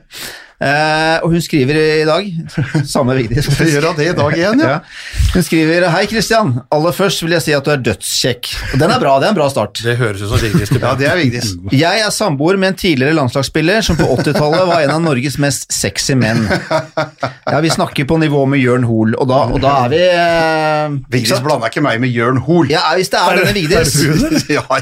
han skri, Hun skriver villig videre Da han en sen høstkveld sjekka meg opp for 20 år siden, så brukte han følgende sjekkereplikk. Hei, mitt navn er H.C. Andersen. Vil du være med på et eventyr? Den har jeg aldri brukt. Har du Utrolig spent på det spørsmålet som kommer nå. Har du brukt en sjekkereplikk på din nåværende samboer? Nei, det er, jeg, jeg brukte ikke noe sjekkereplikk. Det bare, det bare gikk av seg selv? Nåværende samboer. Ja, nei, det har jeg ikke gjort. Nei? Faye. Hvis det var et ja-nei-spørsmål, så nei. Faye, Ja. damene kommer til Kjelling. Altså det er altså Forskjellen på Kjelling og deg, altså det er flere da. Men det ene er at du er nødt for å være på Tinder og jakte. Han kan bare sitte helt rolig, og så kommer de. Det Jeg forstår så riktig. Han er, eh, han, er, han har hår, han er eh, nesten to meter høy. Jeg kan si at min tidlig tidlige, min tidlige alder når jeg var singel og spilte i Spania, Ja. så skjønte jeg at når jeg var i Norge, så var det fordel å snakke spansk der òg. For det, det er eksotisk, det man ikke har. Ja. ja, det er Det er det nærmeste jeg kom til Og du hadde en veldig bra økt på TV da du intervjuet uh, Enterios. Ja. Hvor, du, hvor du liksom, hele intervjuet gikk på spansk, du glemte å oversette. Helt korrekt. Men det er litt fordi jeg spilte med han i, i fire år der i januar, og så glemte jeg hele Ja, men det er bra. Det faktisk var på TV, for å være helt ærlig. Men det ingen la merke til, det var første gang jeg gjorde et intervju noen gang, det var med Vira Morros. Da kjørte jeg da Holdt jeg mikrofonen hos han, stilte jeg spørsmål, så tok jeg mikrofonen tilbake til meg når han svarte. Jeg kjørte tre spørsmål sånn før jeg tenkte over Det det. er klassiker. Alt skal læres, alt skal læres. Ja, men det, det er helt ubrukelig, og jeg hadde med han eh, Perez de Vargas der. Så dro han det lange svaret, og mens han sto og svarte, så sto jeg og tenkte sånn skal jeg stille neste spørsmål, da? Så da han var ferdig, så hadde jeg ikke hørt etter i det hele tatt. Så da sa jeg ja, fornøyd med kampen, glad for å vinne. Og da sa han sånn, du, jeg kan godt ta det på engelsk, for han trodde ikke jeg hadde skjønt hva han sa da. Så nei, det er helt... Ja, men, det er bra. Vi Men, får, vi, men, det alt, men alt er i utvikling. Eh, Du kan se bare litt fram i tid nå, så er det Faye som er den eneste av oss som kommenterer håndball, og så sitter vi her og driver kommentatorbua på si. Ja, ja, ja. og hvis det er to fraser du har lært eh, når du skal kommentere neste håndballkamp, hva er det? Eh, Hva var det det var for noe? Det er sinnssykt. Det er sinnssykt. kanskje sinnssykt. Det, det er bare Det sinnssykt. er bare sinnssykt. Og du har aldri sett noe lignende. Har aldri sett noe lignende. Nei, og kanskje er det bare det å la bildet leve, er egentlig det jeg tar med meg mest. Ja, det, det hørte jeg av proffene. ja, Det hørte jeg av proffene. Jo, men, eh, jo, men alt, alt med måte. Det er, alt med måte. er, Det er som på Tinder. Alt med måte. alt med måte. Ja, Ja, det er bra. Vi får runde av i dag. Det time. Halvannen time med bra eh, håndballprat. Strålende. Fantastisk. Vi prates. Hei og hå. Oi, oi, oi, oi, oi. Det er råsterkt! Så henger han det siste lille, og så drar han til. Oi, oi, oi, for en kanon! Han redder! Torbjørn Bergerud redder! Er det håndballhistorie? Moderne media.